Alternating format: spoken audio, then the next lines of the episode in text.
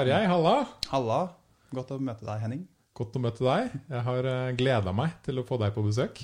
Samme her. Vi har jo en del eh, felles venner, og du har en eh, ganske unik historie å fortelle. Mm. Du har eh, levd et litt annerledes liv de siste årene. Det stemmer veldig godt. Ja. Mm. Og du har møtt mye motstand Ja. En del. Og mye, mye støtte også. og mye støtte. Eh, Jeg har fått eh, bevitne hva som skjer når man splitter synspunktene i en befolkning ganske dramatisk. Mm. Eh, Og hvilke broer som blir kastet, og hvilke som kan bygges. Ja. Mm. Når var det dette her starta? Det starta vel åh, det, var, det er så mange måter å kunne begynne en historie på. Men hvis man skal se på det fra, en, fra et slags klinisk perspektiv, så startet det i uh, 2014. Mm. Da skal jeg, skal jeg starte med det dypeste? Start med det aller dypeste, du. Ja, jeg, jeg kan ta overflaten først, bare så man får et perspektiv på det. Mm. I 2015, november, en annen dato da, eh, kom rett hjem fra et selvutviklingskurs i Danmark.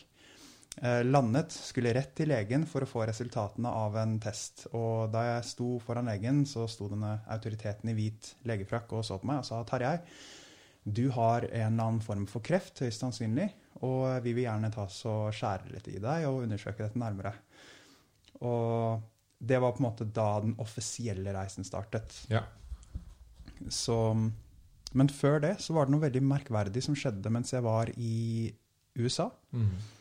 Jeg hadde vært på et Bahamas-cruise med en haug med herlige, fantastiske venner fra rundt om i verden. Og eh, han ene vennen min, Drake fra Orlando, han sa hei, du, det er en kjempekul festival som foregår her. Eh, vil du bli med? Så jeg sa ja. Så jeg var hos han, vi kjørte opp til denne festivalen. Hvilken festival var det? Ja? Det var en veldig ukjent, en veldig sånn lokal greie. Ja. Det skjønte jeg da jeg var, var der, og det var litt sånn, litt sånn landlig, på en måte. da. Mange lokale mennesker. Men eh, god musikk, fantastiske, hyggelige mennesker. Eh, og i løpet av den festivalen så um, hadde jeg en opplevelse i meditasjon Mm. hvor jeg hadde en innsikt. Og dette var før jeg hadde noen som helst symptomer i kroppen i det hele tatt. Altså, Men- du visste ingenting? da? Hadde ingen anelse, hadde ikke engang et snev av forventning om det, liksom. Og jeg satt i meditasjon, amplifisert med eh, plantemedisin. Mm. Og så kom det til meg en sånn idé, en tanke, en, nesten som en stemme, men jeg vet ikke helt hvordan jeg skal forklare det. Men jeg ble veldig bevisst da, plutselig på at det, plutselig kom det en sånn Tarjei, du kommer til å ha kreft. Oi. Og jeg, da var det skikkelig sånn What? liksom.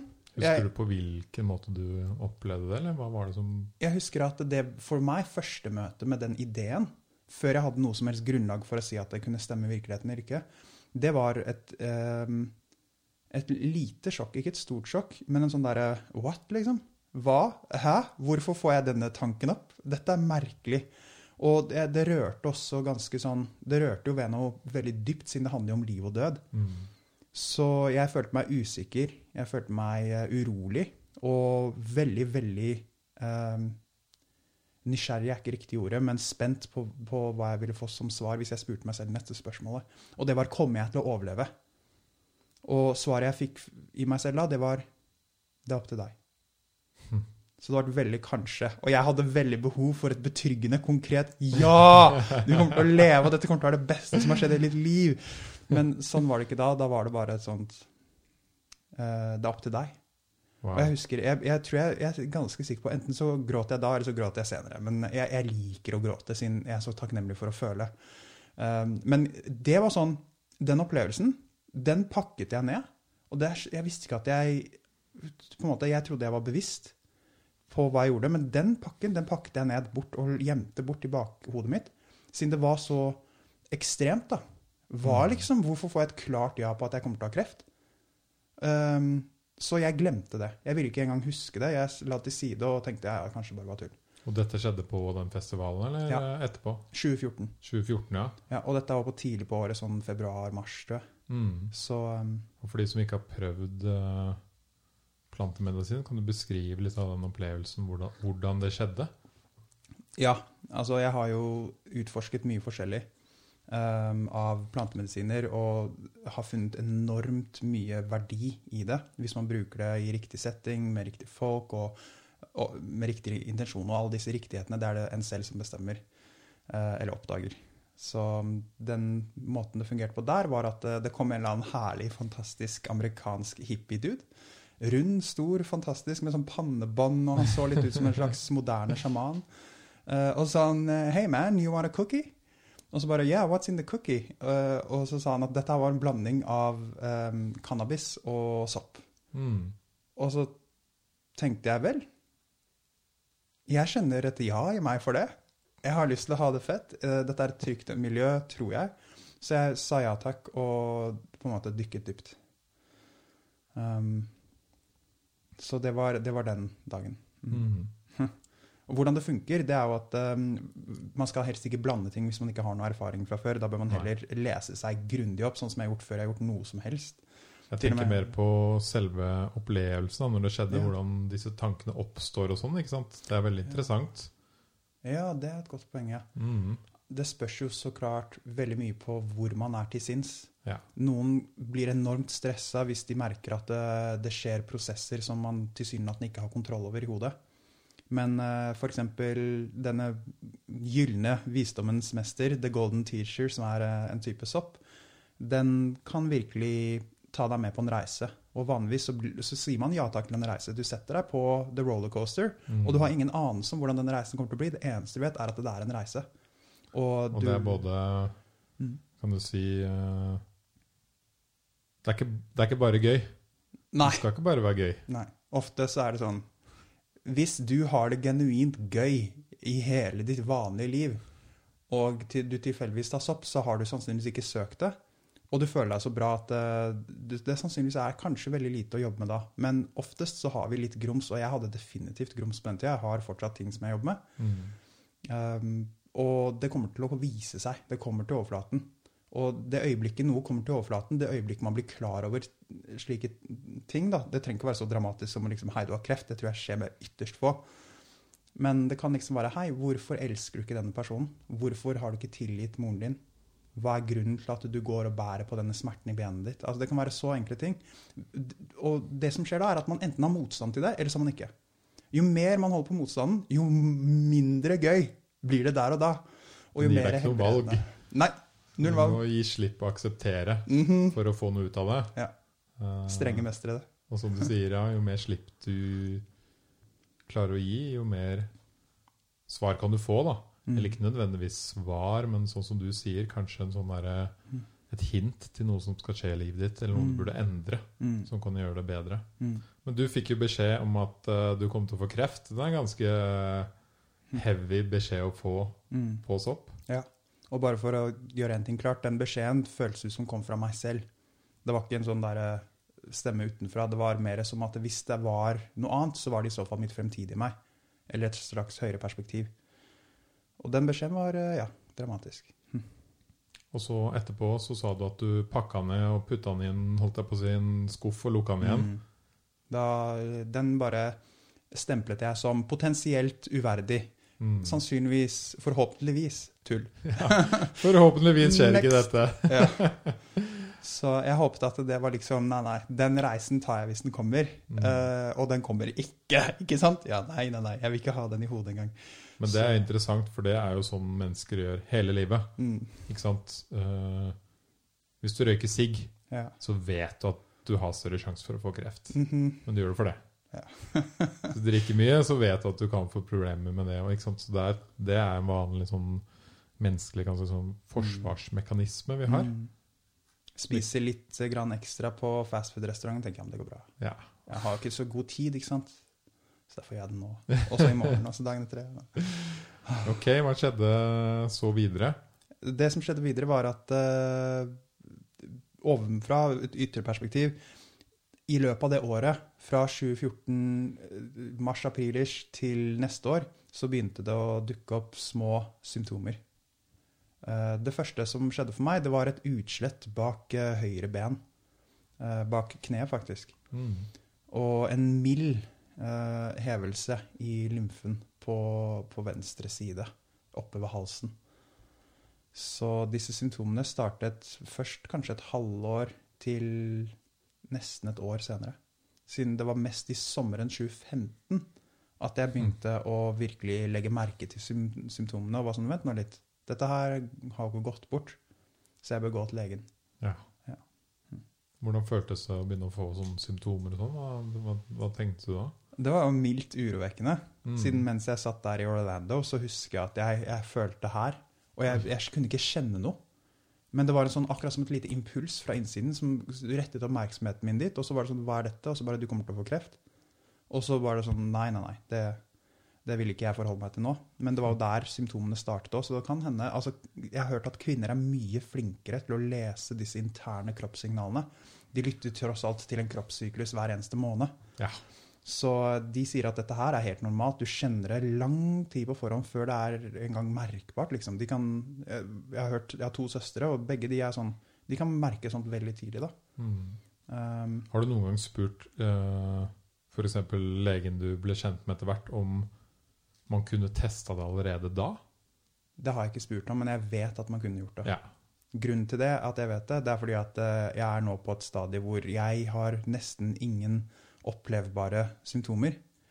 Eh, men hvis man putter meg inn i riktig maskin, så kan man se ting som man ikke kan føle på utsiden. Ja, nettopp. Mm. Ok. øh, hvordan gikk det videre da, når du fikk, etter du fikk disse symptomene? Ja. Hvordan, hva skjedde da? Nei, da mm, Jeg var på en kjempehyggelig camp som het Fantasiforbundets eh, sommerskole eller noe sånt, med noen gode venner av meg. Og det var der jeg på en måte begynte virkelig å tenke litt på symptomene. Og spesielt da jeg gikk med en, en ny venninne, aldri møtt henne før. Hun sa vi, vi, vi snakket mye om naturlige urter og plantepreparater. Og så går vi forbi et tre, eh, eller jeg tror Nei, det var hun som gikk forbi et tre. Og så hadde denne soppen falt ut av treet og landet foran hennes føtter. Eh, og den soppen heter shaga. Og vi hadde nettopp snakket om den, så hun kom inn og bare 'Tarjei, du aner ikke hva som skjedde', liksom. Den soppen vi snakket om, den bare falt ned fra et bjørketre foran føttene mine. Så da lagde vi eh, eh, eh, sopputtrekk av den, da. Det morsomme er at det norske navnet for saga, det er kreftsjuke. Ja. Så, Det er de svære Ja. Mm. De svære, mørke, blitt kjempepopulært i dag. Jeg dro hjem så klart etter dette her og bare wow, så spennende. Og så fant jeg tilfeldigvis at det på bjørketreet hjemme hos meg, så var det en sjaga. Ja. Så jeg høstet den da. Og så gikk det noen måneder, gikk til legen, og han Jeg har en veldig god lege.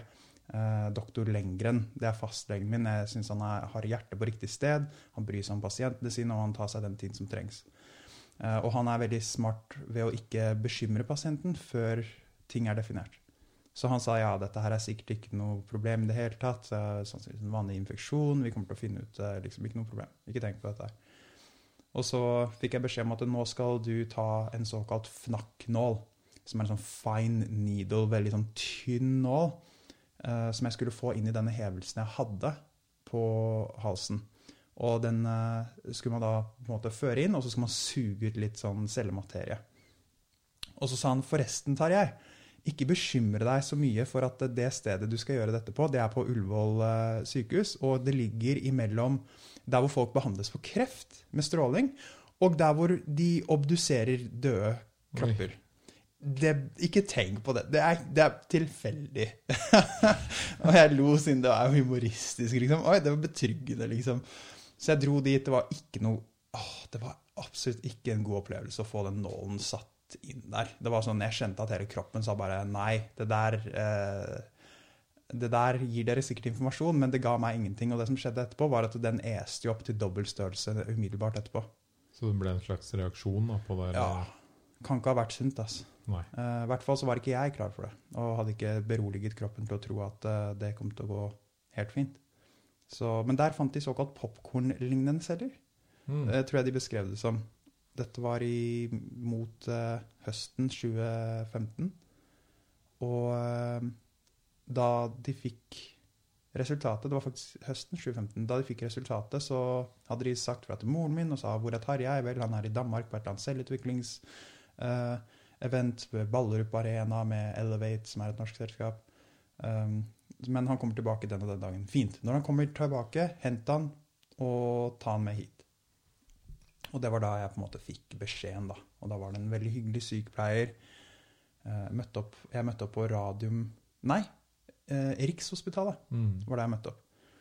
Og de var, det var masse venting, og jeg bare Hvor er det de skal ha meg nå? Og så møter jeg liksom en lege, og så møter jeg en sykepleier, og så møter jeg en kirurg. Og han her kirurgen han er sikker, jeg, jeg, jeg, jeg håper han er et kjempegodt menneske, jeg regner med at han er det. Men han så ut som han var en sulten løve, altså. Han, han, det så ut som han var Det er fælt å si, men han hadde et slags kannibalblikk i øynene. da. Det virka som at det han elsket mest av alt, det var å skjære i menneskekropp. Det er sinnssykt å si. Jeg håper jeg tar feil. Men, La oss håpe det. ja, men jeg tror han elsket arbeidet sitt. Ja. På, ikke på grunn av nødvendigvis kun fordi han hjalp mennesker, men også fordi han trivdes. Kutte litt i folk. Jeg tror det. Ja. Så for, for en, på en måte så bra at han har det yrket. Han kunne hatt en annen hobby som ikke hadde Ja, ikke hvis det var den interessen. Bedre det. Ja, Og de sa at hei, Tarjei, vi har ikke sagt noe om dette her, men nå er du klar til å bli eh, obdusert. Nei, ikke obdusert. Eh, ta, hva heter det når du tar en, um, en celleprøve? Ja. Ja. Uh, det skal du få gjøre nå. Nå skal han her skjære i halsen din, og så skal han ta og kutte ut noen saker og sånn, og så skal alt gå fint heretter. Alt er på rekke og rad, og bla, bla, bla. Du har kanskje kreft. Og så sa jeg vent nå litt. Jeg har ikke sagt ja til denne prosessen. Jeg setter pris på at dere vil hjelpe meg med en gang. Men eh, jeg er ikke sikker på om jeg vil bare ta så forkaste deler av kroppen min uten å ta så gi det sjanser å bli sunt på egen hånd. Var det på en måte eh, Ble du redd på det tidspunktet, eller hva, hva følte du da? Var det det som Motstand. motstand Ja. hos deg selv? Ja, og så Ja. var det det at eh, Jeg er litt redd fordi det var ikke så mye frykt som det var en veldig dyp kjærlighet for kroppen. Siden jeg føler at denne her kroppen er fantastisk. Den gjør ikke noe på tull. Det er en heftig intelligens som har ført oss flere Jeg tror det er to eller fem millioner år fram som mennesket har eh, eksistert. Og før det så hadde vi våre forfedre. Og det som har ledet oss fram, det er vårt naturlige immunsystem. Det er våre naturlige kropper. Um, og nå er vi i et veldig interessant, moderne samfunn hvor vi bruker eh, andre hjelpemidler. Mm. Så Ja, så er det jo samtidig ikke sant, nye typer sykdommer da, det òg. Som har kommet, Mhm. som man kanskje må angripe med andre Mm. type midler. Ja. Fordi vårt immunforsvar ikke, nå, nå bare snakker jeg da, Ja. ikke har klart å utvikle seg På det nivået. Ja. Og jeg tror at det har mye med også hvordan de miljøgiftene vi blir utsatt for, og, og alt sånt, både mentalt og fysisk.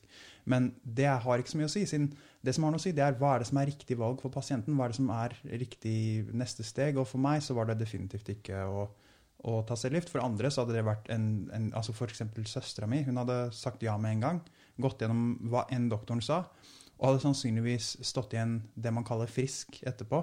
Eh, innen eh, liksom 2016 hadde vært omme. Ja, for det tar typisk ett år. Det tar ofte kortere enn det, tre måneder Tre måneder, ja. eh, for å gjøre en fullstendig kur. Og det varierer enormt ut fra hvilken type kreft og hvordan de vil behandle den. En sånn type kreft, det tar Det som viste seg at jeg hadde, det var noe som eh, jeg brukte tre måneder med cellegift for å gjennomgå. Ja. Jeg har også gått gjennom cellegift på det. Ikke sant? Men du nekta jo først, Mhm. og du hadde ikke lyst. Nei. Og dette ville du ikke gjøre med din egen kropp, Nei. eh, selv om du så symptomene. Ja. Hva var det du eh, Var det da du begynte å utforske litt sånn alternative måter å ja. fighte det på? Ja. Det, rett etter jeg fikk beskjeden om at jeg hadde kreft, så øhm, kjente jeg at OK, jeg tror jeg vet hvorfor jeg har skapt dette her. Og dette, det høres merkelig for folk å si hvordan har du skapt en sånn tilstand, men for meg så var det sånn jeg vet hva jeg har spurt om energetisk som jeg har fått reflektert her. For meg personlig så var det det som jeg kjente. Men jeg hadde fortsatt en viss uro, spesielt når jeg snakket med familien og alle begynner å gråte rundt meg og tror at jeg skal dø. da. Så jeg fant ut nå må jeg finne et eller annet solid eh, grunnlag å hvile min eh, avgjørelse i. Siden jeg vet hva jeg har valgt, men nå trenger jeg å finne grunnlaget for det. Ja, for det jeg regner med at du ikke fikk veldig mye støtte eh, rundt deg i det valget, eller hvordan var det? Nei. ja. Nei. Det, de trodde at jeg sto mellom å velge å leve eller å dø. Og hvis jeg valgte å leve, så betyr det at jeg valgte å gjøre akkurat det legen sa, uten Mm. å spørre spørsmål. Hvis jeg valgte å dø, så betyr det at jeg gjorde hva enn annet. Så ved å ta så velge å bli frisk på andre måter, eller utforske muligheten, så valgte jeg umiddelbart å dø. I hvert fall så det sånn ut i starten for familien. Heldigvis ikke nå lenger, håper jeg. Nei. Eh, hva var det du begynte å teste, da? Og hvordan fant du disse tingene du testa? Det fine var at jeg hadde egentlig lest masse om dette på forhånd. Ja. Jeg har drevet og undersøkt uh, na naturlig helse i lang tid. da. Så for meg så er egentlig alle de tingene jeg testet, egentlig litt irrelevant. Grunnen for hvorfor jeg gjorde disse tingene, har mye mer å si. siden jeg ville bare skape en fasade for familien, slik at de kunne tro på min helbred. Siden jeg gikk rundt med en illusjon på den tida, som var en av de største tingene jeg fikk lov til å helbrede gjennom den reisen. Den illusjonen, det var eh, jeg trenger støtten fra familien min. Jeg trenger at de som står meg nærmest, eh, har, troen på reisen min. Jeg merket at jeg føler meg tusen ganger bedre når de jeg elsker mest, um, ser hvilken destinasjon jeg er på vei til, Mm. og klarer å udømmende støtte meg. da. Så, jeg, på den tida så trodde jeg til og med at det var nød, nesten nødvendig. Siden jeg merket hvor empatisk jeg var, på en måte noen kaller det høysensitiv, at uh, når det kom til menneskene som sto meg nærmest, så var jeg nesten sånn Jeg kunne bli beveget av deres følelser til en viss grad. Selv om jeg hadde kontroll over det, så var det sånn jeg kjente alle følelsene de kjente på. Så hvis jeg møtte dem, så merket jeg Oi, når de sier liksom 'Tarjei, du kommer til å dø, du kommer til å dø', du kommer til å dø, så kjenner jeg alt det. Og så er det sånn Jeg velger å leve. Jeg velger å leve. Prøv å finne roen i den panikken, liksom. Mm. Så, så hele poenget mitt med å gjøre alternative ting, det var ikke direkte å bli frisk. Det var for å skape en tro i de rundt meg. Siden jeg visste, For meg, hvis man skulle spurt meg personlig, sånn bak alle fasader, hva er det jeg i bunn og grunn holdt på med? Jeg hadde lyst til å oppleve den reisen. Jeg ville bevege meg i retning av mer liv. Jeg hadde valgt å leve, men jeg ville også få den selvutviklende opplevelsen av å utforske hva betyr det å være eh, så eh, Hva betyr det, og, på en måte, hva betyr den reisen for meg? Hvorfor? Hva er det jeg kan tjene på det? Hva er grunnen til at kroppen gjør dette her? Eh, siden jeg skjønte nesten instinktivt For meg føltes det som at kroppen den behandler noe. Den ordner med noe. Den styrer på sin egen måte. Den, den til og med ordner gjennom lymfesystemet. Så jeg har ganske stor tiltro til kroppen, som på et tidspunkt ble brutt ganske mye ned. da. Mm. Mm. Men uh, hva het den type kreft du hadde igjen? Hodgins lymfom. Ja. Er det en, på en måte en kreft hvor man har litt tid til Det å teste ting? Ja. Det, Følte du det? At du på en måte hadde noe tid til å teste det? ja, At det ikke var urgent? At du måtte, mm. måtte Det- ta cellegift? Det morsomme var at jeg valgte jo ikke ta biopsi eller celleprøve. Så legene sa Jeg spurte dem hvor sannsynlig er det at det er kreft. 99,9 sikkerhet. Mm. Liksom, det er så å si 100% Da er det sikkert. Ja. Og så sa jeg ok, hvilken krefttype er det? Vel, det vet vi ikke. Det er derfor vi må ta celleprøve. Men uh, vi tror og håper at det er Hodgins lymfom. Så det var ingen som visste hva det var. Og det kunne vært hva som helst. Men det jeg visste, det var hvordan jeg følte meg om det. Det jeg visste, det var at eh, i 2015, eh, tidligere det samme året, før, eh, før faktisk symptomene begynte å vise seg, siden det var først i, mot midten av 2015 at det begynte å vise seg, så hadde jeg sittet på rommet mitt hjemme, hadde gått gjennom masse selvutvikling og kom fram til at vet du hva, jeg har drømmer og mål som jeg har lyst til å nå. Men jeg er en latsabb. Jeg har det for komfortabelt. Mm. Jeg sitter på ræva, jeg har det bra nok, og jeg merker at jeg, jeg blir ikke trukket fram av målene mine. Så universet, dette var et veldig ærlig øyeblikk for meg, et sånn type egobrist-øyeblikk, hvor du gir slipp på hvem du tror du vil være, på en måte, men ærlig møter hvem du er. Jeg skjønte at fuck, sorry ordbruken her, jeg blir jeg, jeg blir ikke trukket av drømmene mine, jeg blir faktisk fortsatt pisket av smerten. Så jeg sa til universet dette var helt sinnssykt for meg å si. Alle som kjenner meg fra den tida, vet at jeg var kronisk positiv. Jeg var nesten spasmisk positiv. Mm. Uh, og det at jeg kom til den konklusjonen at universet gir meg et pisk på ryggen, gir meg et spark bakfra, i retning drømmene mine, var det jeg sa. Siden jeg motiveres fortsatt av smerte, jeg har det for bra, og jeg vet at det er ting jeg vil gjøre i livet, Mm. så gi meg et kick i ræva. Og så ga jeg skipp på den tanken. Den følelsen, akkurat den følelsen, den har jeg ikke hatt eh, Den kan jeg ikke huske å ha hatt før. Det var en veldig definitiv energi rundt å ta det valget. Den følelsen dukket først opp igjen når jeg sto ansikt til ansikt med legen, og han sa at 'Tarjei, du har kreft'. Og da skjønte jeg Det første som skjedde med meg da når han ga den beskjeden, det var Oh my god, dette er samme følelse. Hvor er det den er fra? Oi, det er fra da. Oi, Mm. jeg har fått det jeg har spurt om. Og så var det sånn Kødder du? Jeg spurte ikke om kreft, men damn! Det er det jeg har fått. Det representerer What samme ting. fuck? Dette er definitivt et kick i rumpa, liksom. Men, så, så jeg følte meg nesten litt honored. Det var sånn der, wow, universet. Du mener at jeg kan takle dette? Liksom. Jeg har spurt med et kick i rumpa mot drømmene mine, til drømmene mine. Og nå sier du at jeg har kreft. Ho! Så jeg var nesten i sånn feiringsmodus, blandet med uroen av Men jeg må jo konfrontere det, hvis, siden dette er en livstruende sykdom. Det kan hende at jeg mister min fysiske kropp hvis jeg går gjennom den opplevelsen. Da husker jeg at jeg gikk rundt i snøen der. Ut, faktisk tok et bilde av meg selv som ligger på Facebook, som et av profilbildene mine. Ingen visste hva som skjedde inni meg da. Det var bare en veldig ro, da, men da konfronterte jeg liksom OK, Tarjei, vil jeg dø? Siden jeg må jo konfrontere det òg. Hva hvis jeg faktisk ønsket å dø? Mm -hmm. Og jeg trodde ikke jeg ville det da. Så jeg bare, det er, det er mer som lener mot at jeg har lyst til å leve. Men det er også en debatt jeg har gått gjennom flere ganger. Jeg måtte gå dypt i den, siden det var folk som påstod jeg var selvdestruktiv, legen min f.eks. Uh, som gjorde at jeg fikk se nærmere på om jeg faktisk ville dø. Og jeg skjønte at jeg hadde vært litt på gjerdet og sett på verden og bare um, Ja, vil jeg være her? er dette her et ideelt miljø for en sjel som meg, da?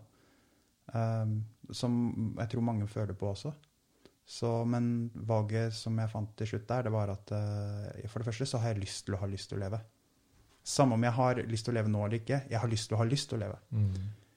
Ok, Men har jeg lyst til å leve? Ja, det er i hvert fall Jeg tror det er litt over 50% mot å leve, så jeg har aldri vært suicidal sånn sett. Um, så derifra så måtte jeg bygge opp igjen sånn Ja, jeg har kjempelyst til å leve. Jeg digger å leve. Oh my god, jeg elsker å leve. Livet er fantastisk. Oh my god, så fantastisk. Nå er jeg der hvor jeg på en måte er sånn Det er samme hva som skjer. Dette er et godt sted. Dette er et harmonisk univers. Vi lever i et felt av kjærlighet. Jeg digger livet. Veldig fint sagt. Og det er nok mange som har vært gjennom det mer sånn eksistensielle spørsmålet der, som du sier. Mm. Men det du sa med å ha lyst, Mm. å ha lyst til å leve, Ja. det er jo en veldig fin ting. Mhm. Du trenger ikke på en måte å ha lyst akkurat nå, -hmm. men du kan tenke Men faen, det hadde vært jævlig godt om i hvert fall en stund, da, Ja. hvis jeg jobber litt for det, Mhm. at jeg får skikkelig lyst til å leve. Mhm. Og det har du jo nå. Ja, det er ja. jo tydeligvis klart. Det starter med liksom altså det er, Dette her lærte jeg av en mentor av meg. Uh, han sitter i fengsel nå. Han heter Kevin Trudeau. Og han sa når man skal finne ut hva man ønsker i livet, så kan det hende at det første ønsket ditt er å finne ut hva du ønsker. Og det er viktig å være så ærlig liksom, og starte på akkurat punktet du er. Og for meg så var det sånn Vel, jeg vet ikke om jeg har lyst til å leve eller ikke, men én ting jeg vet, er at jeg har lyst til å, lyst til å leve. og derifra starter eventyret, liksom. Mm. Og der, fra der så er det sånn shit, altså, Hvis man tar ett og ett steg, så plutselig så befinner du deg et sted hvor du er en av de lykkeligste menneskene du noen gang har møtt. liksom. Mm. Har uh, Det virker som du har en, en god lege, da. En Mm. fastlege, som du sa. Mm. Hvordan har dere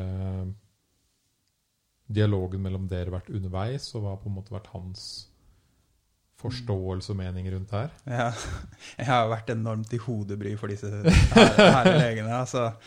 Jeg har frustrert livet av mange av dem, tror jeg. Ikke livet av dem, det har jeg ikke. Men eh, jeg har vært frustrerende, tror jeg. Og lenger enn han er en kjempegod lege. Han, eh, han har hjertet på riktig sted, men han ble frustrert, altså. Siden han ser på en ung mann på den tida, 25-26 år. Og etter hvert så merka jeg at han ble bare mer og mer lei av å se at eh, det gikk i en retning, siden det var det det gjorde i tre og et halvt år Mm. mellom 2015 og 2019, april 2019, så valgte jeg å ikke gjøre en eneste ting som ga mening for folk rundt meg. Jeg jobbet kun med meg selv, og jeg lata meg. Jeg, jeg drev og rev opp i dette gamle mønsteret av å føle seg komfortabel. Jeg satt på en spiker og bare ah, det gjør litt vondt, men det gjør ikke vondt nok ennå. Jeg skal sitte her litt lenger. Å, jeg klager litt, nesten. Men jeg klager ikke til andre. Jeg vil aldri klage til andre, men det gjør litt vondt. Jeg skjønner at det er litt ubehagelig, men jeg sitter her litt lenger. Så du på en måte procrastinata kreften din litt, da? Ja, ja, fullstendig. Det er jo helt galskap. Ja, det er helt galskap. Det er en grunn til at VG kalte det Tarjeis eksperiment. Ja. Siden det er sånn, ingen visste hva utfallet kommer til å bli. Ingen vet egentlig hva utfallet kommer til å bli. Vel, vet og vet. Man kan føle ting på forhånd før det skjer. Um, men på den tida så var det sånn, det så helt sinnssykt ut for andre. Og legen min, han, eh, han ble ganske energetisk etter hvert. Mm. Eh, Så mye at jeg kunne se han ble fylt med blod til hodet, rød i ansiktet, og bare Tarjei, nå må du tenke fornuftig, liksom. Du, du, du kan enten velge å dø, eller så kan du velge å leve. Og vi tilbyr deg det som hjelper deg. Du må takke ja til det. Jeg anbefaler deg på det sterkeste, vær så snill, ta cellegift, takk ja til behandlingen. Er du redd? Er det, du vet, dette er en veldig selvdestruktiv vei. Så de prøvde Hver gang jeg var hos legene, så var det en enorm, enorm kampanje av å overbevise. Det var hele sin Leger, de har Jeg må bare drikke litt. Ja, ja, ja. Leger, de har en, um, en gave. De har flere verktøy. Det ene er at de er eksperter på å identifisere sykdom. Så de kan se hva som feiler en med alle sine verktøy. Det andre er at de bærer dette generelle sverdet av eh, på en måte vestlig medisin. Og det bruker de til å knuse hver eneste fare som dukker opp. Der har de masse forskjellige former av dette sverdet. Det som var utfordringen, var at jeg lot dem se problemet. Tarjei, du har et problem. Men når de sier 'og vi har løsningen', så sa jeg takk, men nei takk. Så jeg tok ifra dem det de elsker mest å gjøre, som er å hjelpe folk. Jeg lot dem ikke få bruke det ene verktøyet de hadde. Dermed, Som vi veit funker ganske bra, ikke sant? Ja, ja. Statistisk sett så døde folk av denne sykdommen for bare 30-40 år siden. noe sånt. Og nå er altså, Nå er den utrydda nesten. Det er 97 overlevelsesrate noe sånt over fem år. Over fem år, som betyr at det, det kan dukke opp igjen, og alt skjer etter fem år. Men det, er liksom, det ser lyst ut, da. En av de beste, Hvis man skal først skal ha kreft, så er det sånn Yes, Lotto, du vant. Du vant Ja, du vant beste av Mm. kreften. Eh, saken er bare det at bestemoren min hun døde av denne kreften. Ja. Da moren min var to år, så hadde hun på en måte Hun har bare hørt historier, men hun følte at det var maur som krøp under huden hennes. Hun holdt på å klø seg selv til blods, liksom. Mm. Og det fantes ingen medisin da, så hun døde jo. Og det morsomme er at jeg har spurt legene men er dette arvelig, og alle har sagt nei. Det er ingenting som tyder på at dette er arvelig. Men dere visste at det var det samme, eller? Jeg var ikke sikker før jeg endelig tok celleprøven i 2019. Ja. Så, så, men uansett, da, disse legene de, de, har, de har eh, muligheten til å se problemet, og så har de en på en måte ganske snever linje av hvordan de vil hjelpe deg med det, som funker veldig bra. Eh, Men for meg så var ikke det riktig tilnærmingsmetode. Det var ikke den reisen jeg ville på. i Det hele tatt. Det stemte ikke overens med min sjel, min helhetlige jeg, jeg vurderte det og omvurderte det og tenkte på det på tusen forskjellige måter om og om igjen. Og hver gang så fikk jeg nei. Det stemmer ikke. Jeg skal ikke ta den reisen. Det er ikke for meg. Ble du inspirert av noen andre der ute på nettet, eller noen som liksom hadde prøvd det samme, eller tok du og Ja. gjorde dette helt sjøl? Ja, jeg ble f.eks. Um, inspirert. Eh, jeg tok lærdom fra folk, og man kan kalle det inspirasjon. Så det som er fascinerende, er at jeg fra starten av visste hva som kjentes riktig for meg. Og det, er, det som er morsomt for meg, så merker jeg at det funker mye bedre å hjernevaske seg selv etter man selv vet hva man vil. Hvis man starter med hjernevasken, så ser man tilbake på de man har lært av, og sier 'fuck, du, du, du, du ødela meg'. Du kødda til hodet mitt. Det er som å bli født inn i en kult, og så innser man at vent nå, hvem er jeg? Mens hvis man starter med å konsultere seg selv og finne ut hva er det jeg ønsker nå, hva er riktig for meg nå, og deretter starter å hjernevaske seg, og det høres spasa ut, men det er akkurat det jeg gjorde. Sånn der, jeg skjønner kraften av sinnet og tankene, og det vil ikke høres arrogant ut der, men det er en enorm kraft som ligger i placeboeffekten. Så når jeg vet hva jeg vil, så sørger jeg for at jeg vasker hjernen min for alt som ikke stemmer med det. Det er veldig vanskelig når de rundt en ikke støtter en. Det er veldig vanskelig når man bryter med alle sosiale normer og alle logiske tilnærmelser fra samfunnet som helhet. Men jeg hadde også masse mennesker som støttet meg, masse folk som sa at du gjør det perfekt riktig, dette er helt riktig, bra, Tarjei. Hvem var disse folka? Hvor, hvor hadde, ingen av dem møtte jeg direkte Nei. før etter jeg hadde tatt cellegift, morsomt nok. mm. Um, alle var stemmer i form av lydfiler, i form av bøker. Um, og faren min han har en sykdom som er nevrologisk nedbrytbar, så han, som, som ikke har en løsning. Så han har alltid søkt naturmedisin etter han har testet alt. Men han, der fantes ikke den løsningen, så han har sittet igjen med på en måte skjegget i postkassa. Ingen kan hjelpe han i det vestlige. Så da måtte han bare se om det fantes noe i det naturlige og alternativet. Så jeg har på en måte sett på han og bare OK, ingenting har funket på han. Um, jeg tror det er flere grunner til det, men det har allikevel åpnet sinnet mitt for at det finnes veldig mange veier til rom. Det gjør det. Mm.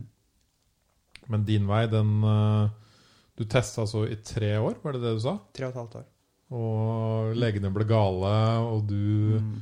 Dreiv i denne perioden og forsøkte forskjellige ting og Ja. eksperimenterte og Jeg fasta litt, jeg gikk på graviola-kur. Jeg, gjorde for, jeg gjorde mange forskjellige ting, men hvis jeg skal være ærlig, så gjorde jeg det litt halvveis. Ja.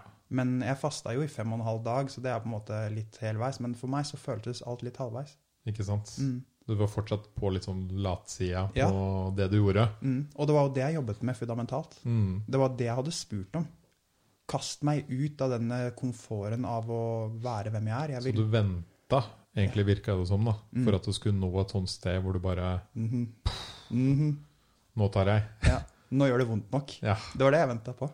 Nå gjør det vondt nok. Og det Jeg, jeg nådde det punktet, ass. Du gjorde det. det kom til slutt. Det gjorde det. Og det morsomme er at hvert år så dro jeg jo til legene og så sa jeg, ok, dere skal få se på kroppen min, og jeg er nysgjerrig også hvordan det ser ut. Og hvert år så var det sånn der Tarjei, det har blitt verre! Hvis du ikke gjør noe nå, så kommer du til å daue! Sa de i 2016, og så sier jeg ok, takk. Jeg sier fra hvis jeg vil noe. Og så går det et år, og så kommer jeg tilbake, og så tar de nytt bilde, og så er det sånn Tarjei, hvis du ikke gjør noe nå, så kommer du til å daue! Og så sier jeg ok, takk for hjelpen, um, men det skjønnes ikke riktig. Men hvordan føltes det fysisk de tre årene, da? Altså, det må jo ha syntes og liksom Det var litt ubehagelig akkurat det du nevner her med at det syntes, siden jeg likte å gå på yoga. Og når man Ja. skal ta så strekke seg opp med halsen i upward dog, Ja. så ser jeg liksom denne svære klumpen med cellerhevelser i, i lymfen, som var sånn, i lymfene faktisk. Og det var sånn, i starten så skjønte jeg at dette her er ikke, fo- folk legger ikke merke til det hvis ikke jeg er så bevisst på det selv. Men etter hvert så var det jo åpenbart. Og det var en liten byrde. Det var også bra for meg, siden det brøt litt ned denne dette ønsket om at jeg måtte se så bra ut, eller at jeg måtte fylle en viss standard og sånn, da. Siden jeg, jeg på en måte, Mye av livet mitt handler om og Jeg har lyst til å kunne empatisere med alle forskjellige typer mennesker. Det er et av ønskene mine, og en av grunnene til at jeg, jeg f.eks. sa til faren min i mange år at jeg, jeg på en måte Jeg sa ikke det direkte til han, jeg sa det til meg selv. Jeg sa jeg håper Jeg kunne nesten ønske at jeg hadde en eller annen vanskelig fysisk tilstand, sånn at jeg kunne inspirere han Mm. i hans tilstand. Så det har ligget et sånt iboende ønske i meg å for det første på en måte forstå alle og kunne ha empati med alle, sånn at jeg fundamentalt kan på en måte elske uten motstand. Og jeg trodde at eh, reisen, veien til det, var å oppleve så mye dritt som mulig. Det trodde jeg en stund. At eh, jeg, skjønte at jeg må gjennom forskjellige ting. Jeg må i hvert fall klare å se det. Men nå heldigvis har jeg kommet til et punkt hvor jeg på en måte skjønner at det er ikke nødvendigvis slik at vi trenger å oppleve alt det vanskelige andre har gått gjennom. Men man finner heller sin kjerne, hvor man, hvem man er, der hvor man ikke er i dualiteten av sinnet, men heller i den forentheten av hjertet. Og da trenger jeg ikke å gå rundt og være syk eller oppleve ting så dramatisk som jeg har gjort frem til nå. Mm. Jeg hadde en, en jente her på podkasten. nå har ikke den blitt delt, da, for den, var ganske, den ble ganske, ganske dyp og trist, så vi får se om den kommer ut. Men hun, uh, hun sa det at eh, man kan aldri måle min depresjon med din. Mm. Og selv om det har skjedd noe virkelig vondt med meg når jeg var ung, Mm. eller noe virkelig vondt med deg i fjor Mm. eh, din, altså, Du kan ha dyp depresjon fordi du fikk sparken fra jobb. Mm. Mens jeg kan ha det fordi jeg fikk bank ikke sant, da jeg var liten. eller et eller annet sånn. Jeg kan fortsatt ikke sitte og måle de to. -hmm. sant, ass. Og det er veldig sant. Og det beskriver så godt også det håpløsheten ved å prøve å oppleve hva andre opplever. Ja. Det er, Og det er ikke noe vits i. Nei, det er ikke det. Og det er et utsagn som sier at for all del, ikke halt foran den lamme, liksom. Ikke sympatihalt foran folk. Nei. Det er ikke hyggelig for dem, og det gagner ikke deg. Men de får mye mer igjen for at du er sterk og heller hjelper dem å bære på noe av den smerten. Mm. Ja. For det er også noe man gjør når man hører på folk som sitter og lytter på folk som har det kjipt eller deprimert. Det å lytte på det betyr at du Mm. bærer litt av det på skuldrene selv. Mm. Det fnyste jeg av før. Ja. Litt fordi at eh, jeg, jeg, er sånn, jeg dømmer vanligvis ikke ting før andre har dømt det. Jo, jeg gjør det. Så klart gjør jeg det. Um, men jeg hørte liksom å holde space. Og så skjønte jeg ikke det i starten. Men det du beskrev nå nettopp, det er å holde space. Mm. Det er å kunne bare lytte kjærlig. La folk få være hvem de er. Mm. Mm. Det virker som disse tre årene var egentlig mye du måtte ordne opp mentalt. Mm. Ikke sant? Å, ja, ja. Det var en mental fight nesten mest. Mm. De sier at eh, kreft oppstår eh, generelt sett sånn syv til åtte år før man begynner å se symptomer. Det tror jeg stemte veldig godt i mitt tilfelle. Mm. Og når du sier at det var mye mentalt det jeg trengte å arbeide med, så stemmer det 100% ja. Mm. Mm. Men det kom så langt til slutt da, at du en dag altså hva, hva var det som fikk deg til å endre mening? Ja, det var litt morsomt, da. Um, da jeg, Du spurte hvordan var det fram til jeg var opptatt av cellegift i Ja. april 2019.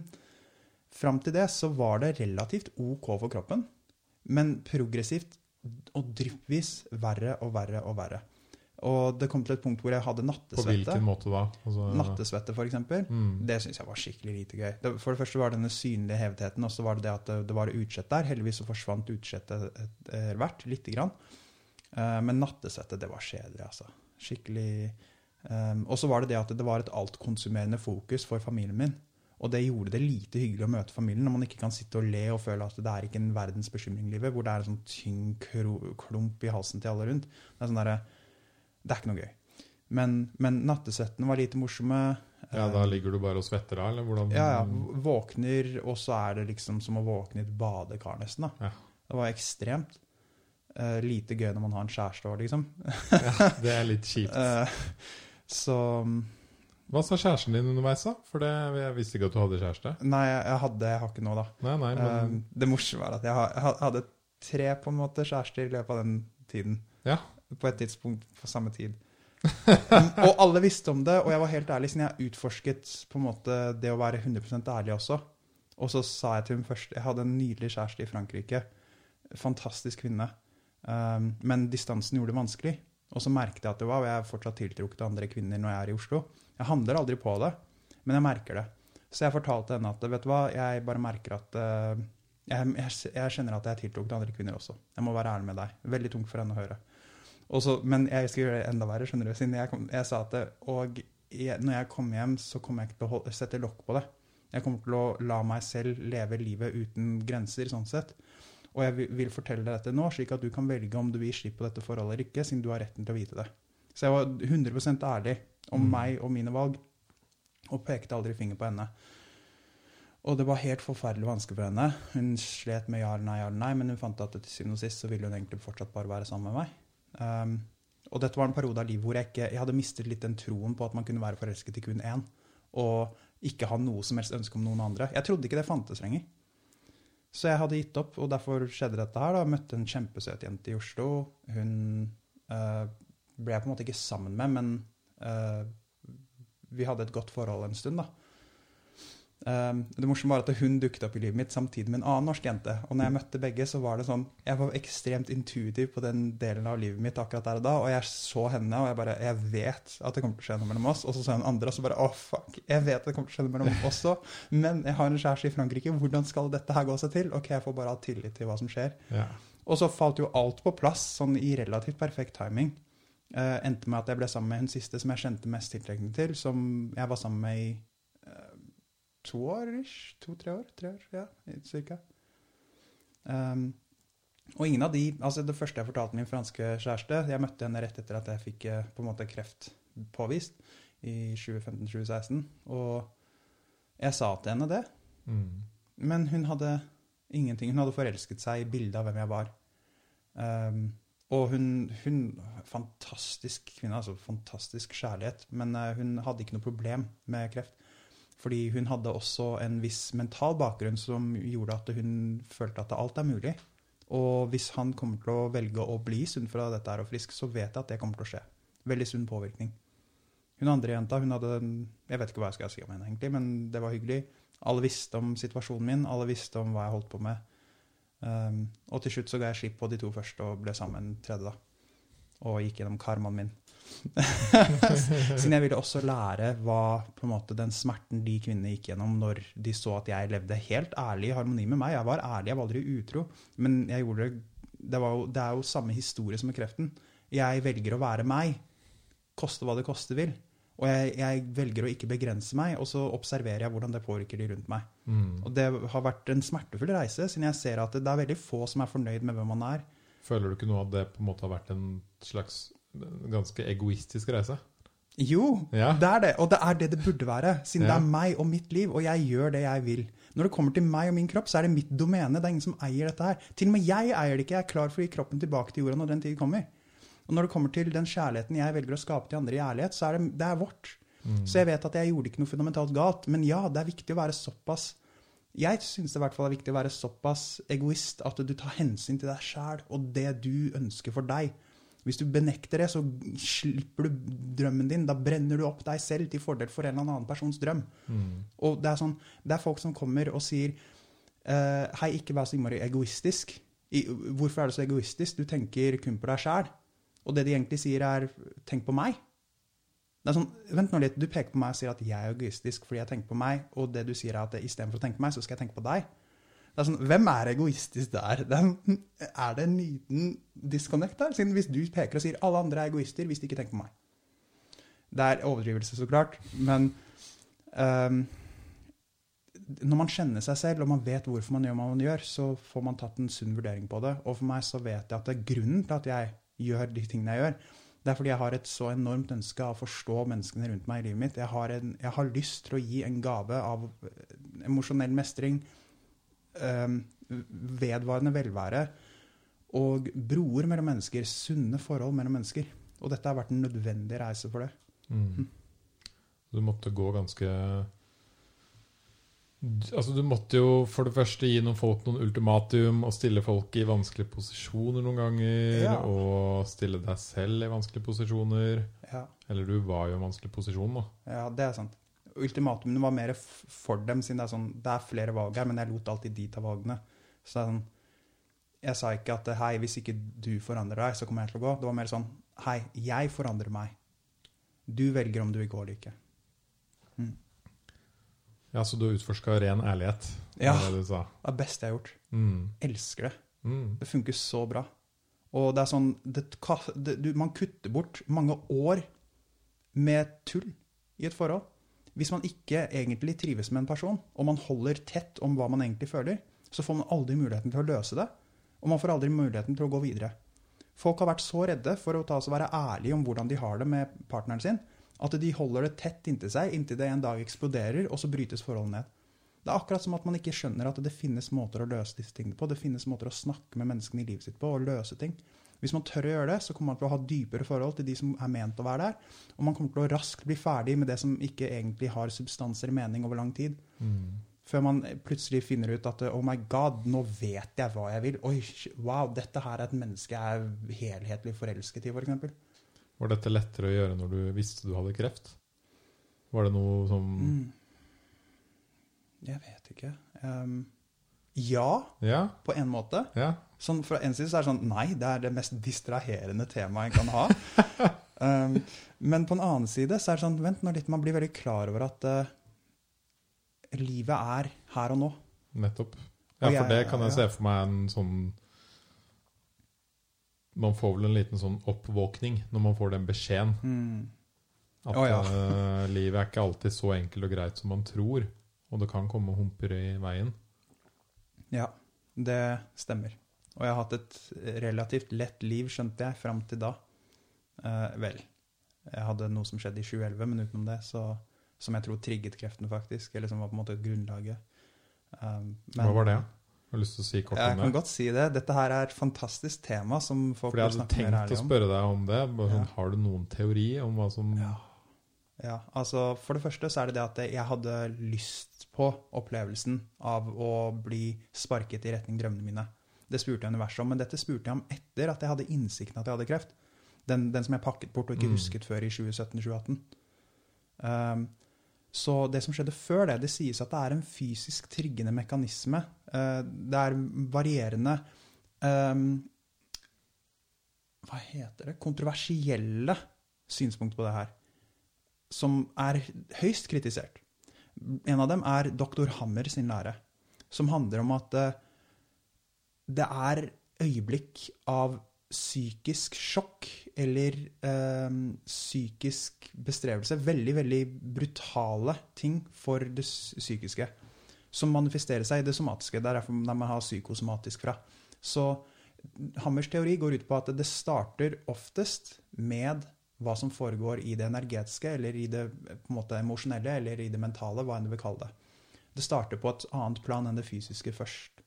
Og deretter, når, hvis man blir sjokkert, f.eks., eller opplever noe traumatisk som man ikke har klart å fordøye helhetlig i seg selv, så sitter den frekvensen, da sitter det traumet der fortsatt og traumatiserer. Så det er som at kropp, hjernen den er en kjemikaliefabrikk. Så hvis man sitter og holder på en fight or flight-modus i mange år i strekk, så fortsetter hjernen å produsere giftige kjemikalier for kroppen. Sin, hvis man ser på dyr i naturen, sånn som gaseller og, og forskjellige dyr som løper fra de med store tenner Etter de har løpt og overlevd, så dirrer de i hele kroppen. ligger og skjelver. De skjelver som bare F. Og det er fordi at kroppen er fylt, den er rusa med stresshormoner som har hjulpet dem til å overleve. Men de, de, de tar også blir kvitt alt det der ved å dirre. Det, det gjør at de prosesserer eh, stresshormonene. Mennesker vi gjør egentlig dette der òg, men vi har ikke tillatt oss det lenger. Så hvis man ser på f.eks. de som har krigstraumer, så brukes dette her som terapi for dem, hvor de ligger og trigger den dirreeffekten for å prosessere traumene etter de har vært i blodige kriger. Uh, det, dette er et ekte fenomen, liksom. Og Grunnen til at jeg nevner Dr. Hammer, det er fordi at uh, jeg har alltid følt at hvis det er en grunn til at jeg fikk denne fysiske sykdommen, så ligger det i et eller annet traume. Og det er kun ett traume som ga mening. Uh, og wow, det er um, det er et stort tema. Det handler om mental helse. Mm. Og det handler om uh, året 2011 for meg. Mm. Jeg hadde starta jobb i Telenor. Kjempefin jobb. Storkundesenteret, eh, som var liksom for de topp 100 bedriftskundene til Telenor. Der skulle jeg være kundeservice. Så god jobb. Godt betalt å være på den alderen for meg. Men jeg fant fort ut at eh, jeg bare ble draina av miljøet der. Jeg, jeg, kunne lett like arbeidet, men folka rundt de likte at ting var som det var. Og så kommer den yngste karen som har blitt ansatt, og bare har lyst til å trekke energien enda høyere til et nytt sted hvor ting går raskere, bedre og alt mulig. Og det gjorde at jeg ble ganske fort av mange der på en måte presset ned. Da, så jeg følte meg helt eh, Jeg følte ikke noe mening med livet ved å jobbe der. Og samtidig så hadde jeg min første kjæreste på den tida det forholdet var turbulent. Vi, eh, vi, ble sammen og slo opp igjen ti ganger på rad, liksom, før vi endelig slo opp. Eh, og imens det forholdet vedvarte, så hadde jeg en opplevelse som viste seg å bli psykose. Mm. Og um, det er faktisk uh, en av de viktigste opplevelsene jeg har hatt. Um, og det, på den tida så visste jeg ikke at jeg hadde spurt om den opplevelsen. Sånn som med kreft, så skjønte jeg med en gang å ja, dette husker jeg at jeg spurte om. Da så var det for vanskelig. Det som skjedde, var at uh, jeg har et nært forhold til min søster. Jeg har to søstre. Hun ene, jeg har nært forhold til begge. Men den ene hadde jeg veldig nært forhold til da, og jeg delte med henne alt jeg gjorde. Hun visste at jeg eksperimenterte med cannabis fra tid til annen. Da snakker vi liksom maks et par ganger i måneden vanligvis. At jeg hadde testet sopp og alt sånne ting. Og uh, dette her kan være en av mange søstre. Jeg har ikke lyst til å fortelle for mye, siden kan, hun er nok en privatperson sånn sett. Men mm. hun hadde fortalt meg om en uh, Jeg må bare si det ærlig, ass. Jeg må bare si det ærlig. Det må, vi må tørre å være ærlige om det. Um, selv om jeg ikke nevner ved navn. Og det er at uh, jeg fikk høre fra hun ene søstera mi en historie om da hun hadde vært i Bali. Og med kjæresten der så hadde de fått en soppshake som de selger der. Der selger de psykadelisk sopp i shake, liksom, smoothie. Og eh, ingen av de andre ville drikke fra den, så hun drakk alt. Hm. Som var, viste seg å være et lite intelligent valg. Hun var ung da, veldig ung. Um, så når, kom, når, hun dro tilbake til på en måte bungalowen sin, så så hun seg selv i speilet, og det hun så, det var djevelen. Og dette har jeg hørt flere kvinner si, merkelig nok. Ikke mange menn. Jeg har ikke hørt noen menn si det. Jeg har hørt moren min si det. Hun har sagt når jeg ser meg selv i speilet, så ser jeg djevelen noen ganger. Og det er en sånn utrolig forferdelig selvforakt og fordømmelse og et eller annet sinnssykt kollektivt sår, tydeligvis. Uansett, Søstera mi så seg i speilet, og så så hun djevelen. Da hun fortalte meg dette her, før all psyk psykosen og før noe som helst, så så jeg på henne, og jeg sa det ikke til henne, men det jeg følte, var oh my god.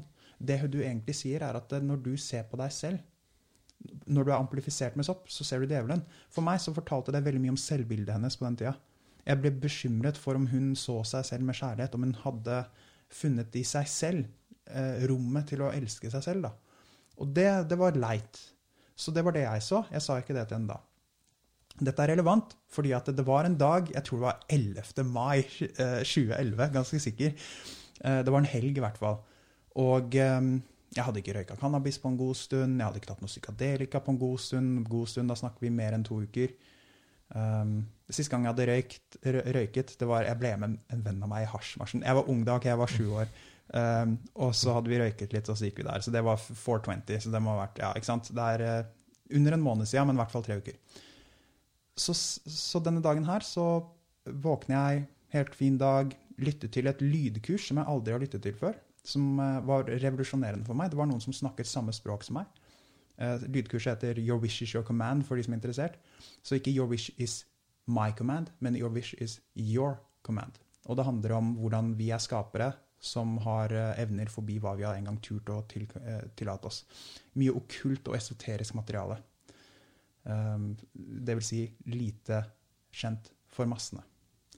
Og jeg, jeg bare Dette her er som å snakke med min spirituelle far. Jeg kjenner igjen dette her. Dette her gir mening gjennom hele min sjel. Så jeg lytta hele kvelden til det. Våkner dagen etterpå. Dette er dagen 11. eller noe sånt. 9. eller 11. mai 2011. Og jeg setter meg på mens, mens, jeg har døgnet nesten, sovet et par timer, går ut i hagen. Setter meg på hjørnet av huset mens sola går ned, og jeg ser sola strømme igjennom eh, plommetreet i hagen vår.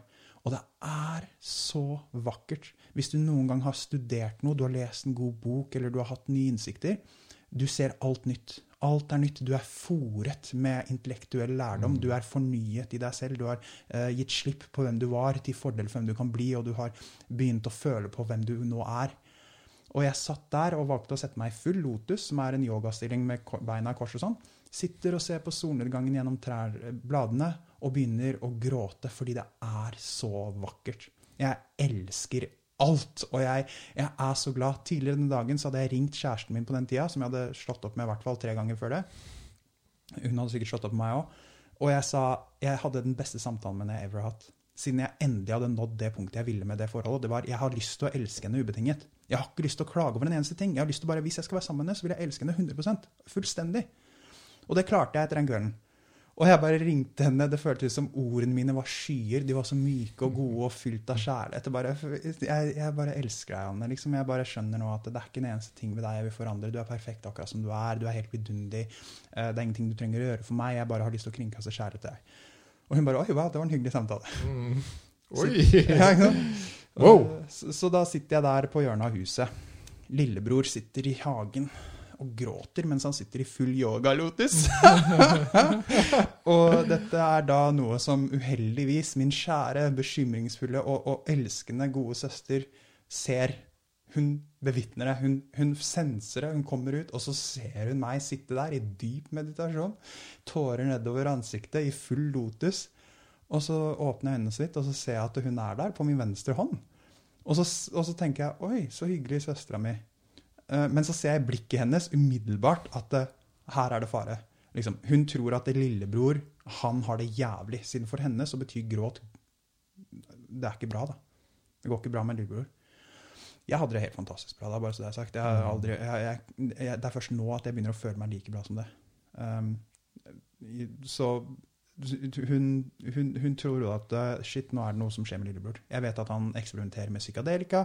Dette kan ikke være et godt scenario. Verden kollapser. Hva hvis lillebror går fra sans og samling? Mann som gråter. Ja, mann som gråter. What the fuck? Sosialt eh, ikke-eksisterende.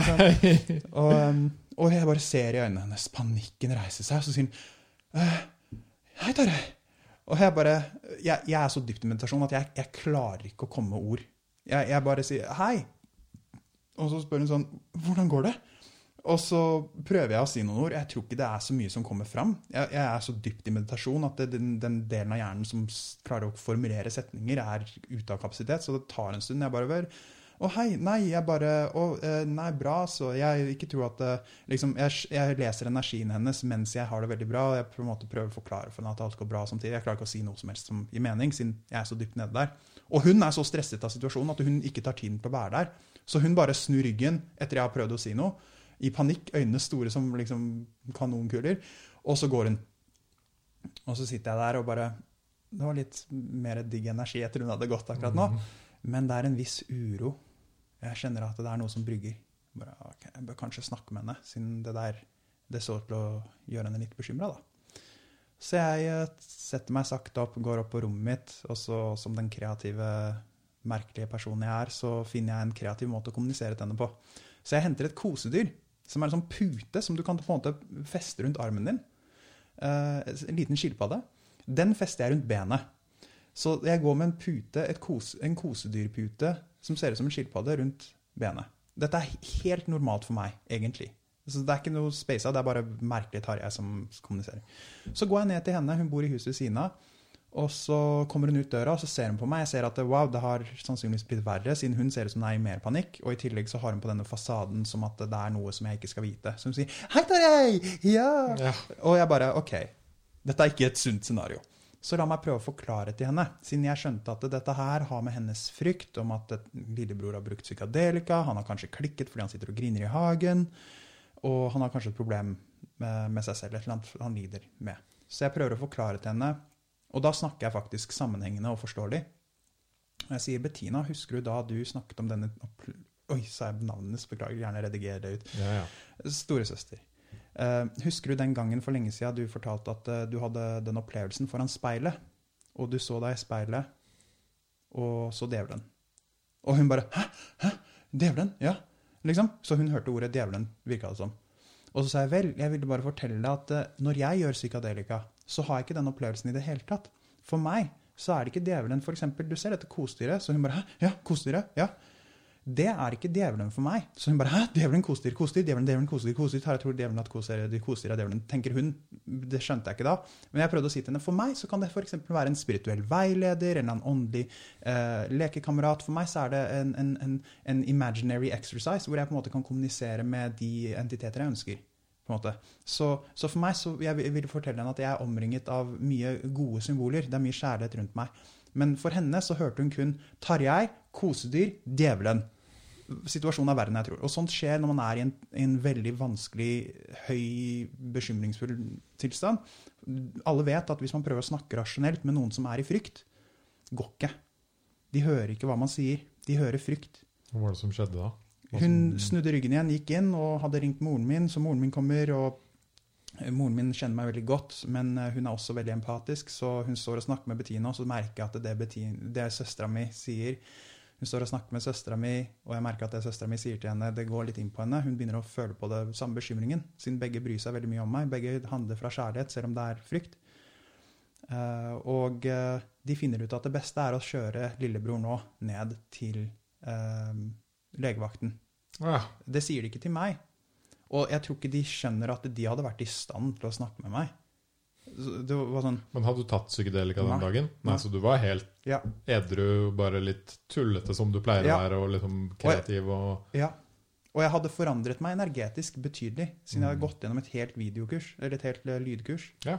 Um, men jeg var fortsatt jeg var veldig tilregnelig fram til dette øyeblikket her. Jeg var ekstremt tilregnelig. Jeg var bedre, hadde følt meg bedre enn noen gang jeg har gjort. Samme dagen hadde jeg faktisk snakket med søstera mi, og hun hadde sagt Wow, Tarjei, jeg føler at du endelig forstår faren vår. Mm. Siden jeg hadde snakket med henne, og hun bare Wow, så tydelig og klart og fantastisk. Men i dette tilfellet her så var de bekymret for meg, og de fant at jeg skulle inn i bilen. Så de prøver å lokke meg inn i bilen, og jeg skjønner at de skal sikkert ta meg et eller annet sted, få meg undersøkt. Um, og så sier jeg ja, altså, hva er problemet? Jeg har det jo bra. Så jeg sier ja, fint, jeg har sett meg i bilen, jeg, liksom. Setter meg i baksetet, og så står de og tisker og hvisker i forsetet, da. Og jeg hører at liksom, det er panikk, og det er, hva kan ha gått gærent, er han schizofren, har han blitt gal? liksom. Og så skjønner jeg at det, shit, altså, de to menneskene, som, to av de menneskene jeg har betrodd meg mest til, som jeg stoler mest på i hele mitt liv, de tror jeg er gæren. Mm. De som jeg har, har, hatt inntrykk av å kjenne meg best, bedre enn noen andre, og som alltid har vært villige til å lytte til meg, hvis det har vært noe, de har alltid vært interessert i å bli kjent med meg, de tror nå at lillebror har klikket fullstendig, at jeg er gæren. Og det er først der, i baksetet av bilen, at jeg begynner å gå inn i sjokk. Og jeg husker at det, det var som at det, at alt rundt meg ble helt hvitt. Helt lyst. Det var sånn ching, liksom. Og jeg innser at oh my god, de tror jeg er fullstendig crazy. Mm. Og dette er et enormt sjokk. da. Det er sånn så sjokk at alt er bare helt klinkende klart. Og i det så begynner jeg å tenke Men jeg er jo ikke gal. Hvis jeg hadde vært gal, så hadde jeg vært sånn og sånn. mm, så merkelig. Men hvis, hvis de mener jeg er gal, så hadde jeg vært sånn og sånn. Hvis jeg er gal, så hadde jeg vært sånn. Ja, det er jeg jo ikke, men hvis jeg hadde vært gal, så hadde jeg vært sånn. Og mens jeg driver den prosessen i baksetet, så begynner jeg å konstruere den nye, den nye rollen som heter gale Tarjei. Mm. Jeg begynner å se tydelig for meg hva de mener en gal person er, i hvert fall ut ifra mine egne bedømmelser. Og jeg når et slags klimaks av tanke hvor jeg på en måte Wow, de tror jeg er det. De, jeg prøver å snakke til dem, men de ser meg ikke, siden imellom meg og dem nå så er det en sånn der visjon av hvem jeg er, som jeg ikke er. Men det er Tarjei som er gal. Og jeg, i det øyeblikket, pga. det er et sjokk, og, og, jeg var såret Det var, føltes ut som jeg ble bedratt. Noe, jeg klandrer ikke familien min for dette i det hele tatt. De handlet fra kjærlighet. Jeg vil at jeg skal være veldig tydelig. De trodde at de gjorde det som var best, og det viste seg over tid. For meg så har jeg gjort det til det beste som har skjedd. Men der og da så var det en følelse av å bli bedratt, ikke forstått, alle de mørkeste følelsene ever. Og på toppen av denne konstruksjonen av liksom uh, gale Tarjei, så sa jeg, vet du hva hvis det er den personen de tror jeg er og nå er jeg sintør dere, jeg kanaliserer hvordan jeg var der og da. Jeg er ikke det nå lenger. Men det var sånn, hvis de tror at det er hvem jeg er, så skal jeg vise dem jeg. Jeg skal vise dem hvem jeg er. Jeg skal spille den rollen. Og det var ut ifra aggresjon og ønsket om å smerte tilbake, som man noen ganger gjør når man har blitt såret. Og det farlige med å spille en sånn rolle, det er at man mister seg selv. Ja. Man blir litt gal. Ja. Det er den siste rollen man vil spille skuespillere sånn som Jim Carrey og sånn, de snakker om dette her, hvor farlige roller kan være. Du kan faktisk bli den rollen du spiller, hvis du ikke er bevisst på at du spiller en rolle. Så jeg hadde glemt at jeg spilte en rolle innen de neste fem timene. Så når jeg, eh, når jeg var hos eh, legen der, så visste jeg fortsatt det, men da, da spilte jeg bevisst rollen. Og jeg køddet med han. Han så på meg, han doktoren som var på, på um, uh, Hva heter det der Legevakten. Ja. Han så på meg og bare 'Du tuller nå'. ikke sant? Han, jeg så det i blikket hans. Han bare så på meg. Du, du bare kødder. ikke sant? Du er ikke så gæren, du bare tuller. Og det virka som han ikke hadde noen bekymringer. Han bare så på meg bare Han her er bare han bare, kødder. Ja, han bare kødder. Og jeg smilte lurt hele veien, siden jeg visste at jeg kødda. Men bare for sikkerhets skyld så sendte han meg videre i systemet. Og så skjønte jeg plutselig at wow, eh, på et tidspunkt etter noen timer jeg hadde blitt sendt til Ullevål psykiatrisk, skjønte jeg nå mister jeg alle frihetene mine. Dette er ikke det jeg hadde lyst til. Så der går jeg tilbake til meg selv igjen og sier hei, men jeg er jo ikke gæren, jeg har bare kødda. Liksom, hva er det dere tror? Jeg er jo ikke gal. Jeg, måte, da prøver jeg å begynne å løse det. Men innen da så er jeg på en måte definert gal. Legen har sagt at jeg kanskje er gæren, og at jeg trenger litt tid. Uh, så derfor blir jeg, blir jeg, der. Og da bare går jeg dypere ned i smerten og depresjonen av at jeg liksom, de jeg elsker mest, de ser meg ikke, de hører meg ikke, de overlater meg til folk som ikke kjenner meg. Og ja, så der startet min reise. En tung, tung kvise av livet mitt. Mm. Som eh, jeg fikk sakte, men sikkert skvist ut som kreft. Og nå eh, er det såret ganske godt ferdig med å gro til noe sunt og godt igjen. Mm. Mm. Så den Det du da mener, er at den traumen, dårlig energien du fikk den gangen, Mm. det starta en prosess da i kroppen? Å ja.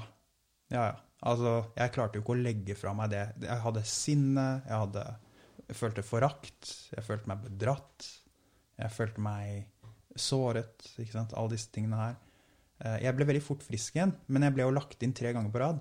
Mm. Siden alle trodde at eh, Eller altså tre ganger til sammen ble jeg lagt inn på en periode på eh, noen måneder. Og korte, til, et korte besøk. Første gangen var sånn tre dager, andre gangen fem dager, andre gangen en uke eller noe sånt. Um, og grunnen til at det skjedde, var fordi at de trodde jo at eh, det var eh, indusert av psykadelika. De Ja. ville så gjerne finne ut at det var en grunn utenfor meg selv. Det var jo ikke meg som hadde ansvaret for meg sjæl. Det var en substans som hadde gjort dette med meg. Siden jeg er jo et offer for substansen. Substansen er sterkere enn meg. Det er som å peke på en gulrot og si at gulroten avgjør alt jeg lever som. Det stemmer ikke. Man har en viss kraft. Og ja, man kan være tilregnelig for å Det er et psykadelisk middel, så det er enormt kraftfullt. Men i dette tilfellet så stemte det ikke. Det var ikke det som hadde beveget meg. Det gjorde meg nok mer åpen Mm. for å føle empati. Eller lukke meg når jeg ikke følte det. Um, men eh, de fant jo ikke noe i blodet mitt første gang. Så neste gang så var det sånn alle i familien trodde at det er fordi at Harry har rusa seg. og det er liksom han har ruset seg. Jeg bare, jeg har ikke rusa meg. Jeg har et enormt sunt forbruk.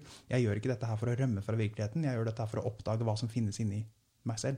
Hva som eksisterer. Det er en selvoppdagende reise. Men det skjønte ikke de.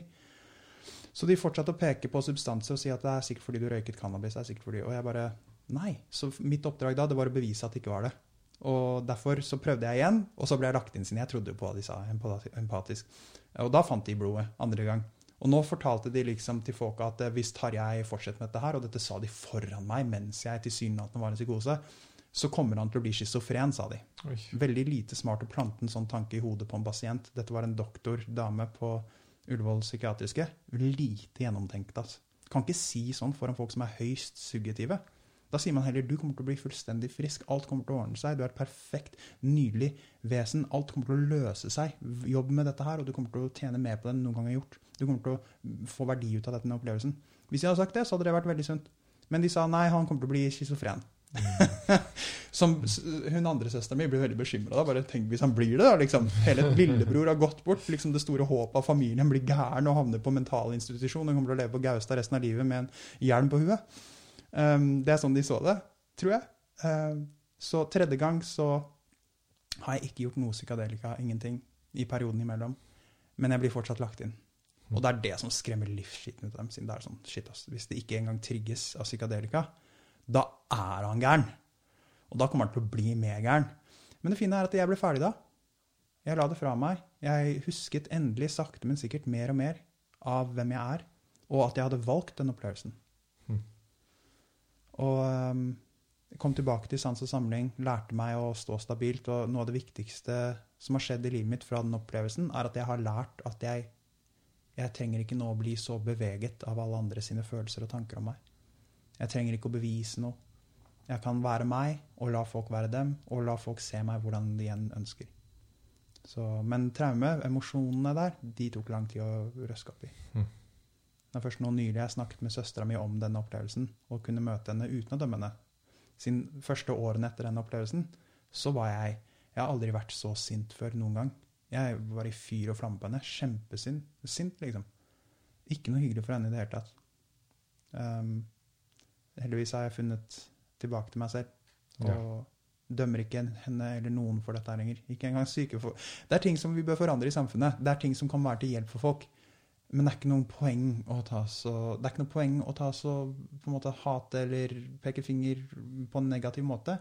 Det er kun nødvendig hvis man selv føler seg såret. Og man føler seg bedratt fortsatt. Og det gjør jeg ikke.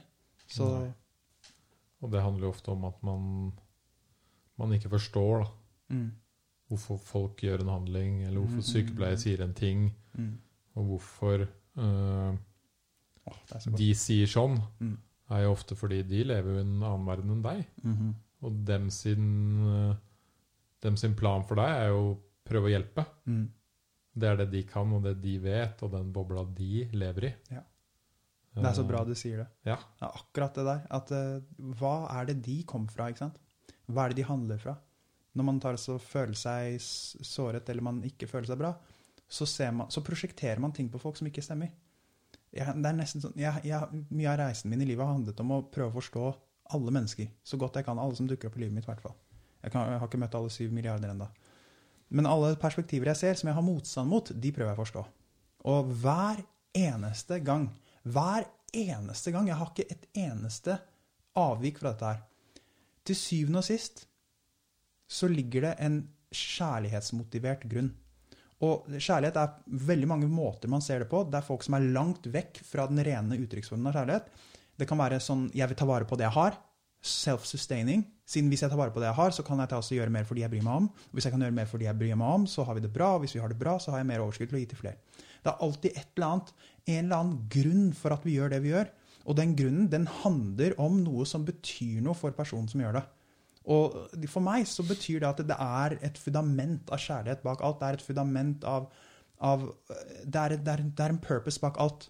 Og man bør aldri egentlig undervurdere andre sine meninger og grunner, siden de gjør det for en grunn. Og de tror det er det beste valget de kan gjøre, i hvert fall fra der de er der og da. Og ofte så mangler vi bare innsikt om informasjon til å skjønne at det er ofte at vi prøver å gjøre ting som ikke har noe som helst verdens eh, Du er ikke nødvendig. Men nå vil jeg ikke fraskrive alt som har skjedd fram til nå, siden for at vi skal kunne bevege oss framover, så må vi kunne se tilbake på alt som har skjedd fram til nå, og kunne elske det og forstå at vet du hva, alt det måtte skje for å lede oss hit vi er i dag. Og her, Yes. hvor vi er i dag, så kan vi ta oss og gjøre veldig mye bra hvis vi gir slipp på alle traumene våre. Hvis vi gir slipp på alt som var. Og for å gjøre det, så må vi se tilbake og si, vet du hva, jeg ubetinget elsker alt som var. Det er mye jeg ville forandret hvis jeg skulle gjort det om igjen, men alt har ledet meg hit, og jeg gjorde det beste jeg kunne på det øyeblikket, i det sekundet, akkurat der og da. Og alle de andre gjorde det også, så derfor, hvorfor ikke bare elske hele frikkings universet? Love that shit. Yes! Love that shit! Love the heck out of it, you know? Love that shit.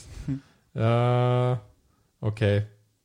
Hvis vi nå spoler helt fram til den uh, der du bestemte deg å ta cellegift, da. Mhm.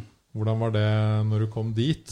Oh, wow. Da hadde du jo hatt disse dårlige nettene og litt smerter og Eller litt Mm. mye smerter. Du, det kom til et punkt hvor du tenkte bare Wow, Mm. nå må jeg gjøre det. Mm. Nå funker ikke lenger eh, procrastination. Mm. Nå funker ikke lenger eh, tankene mine, Mm. fasting, alle de triksene. Nå må jeg faktisk Ja. gjøre det. Det stemmer. Jeg kom til et punkt hvor det gjorde vondt nok. Mm.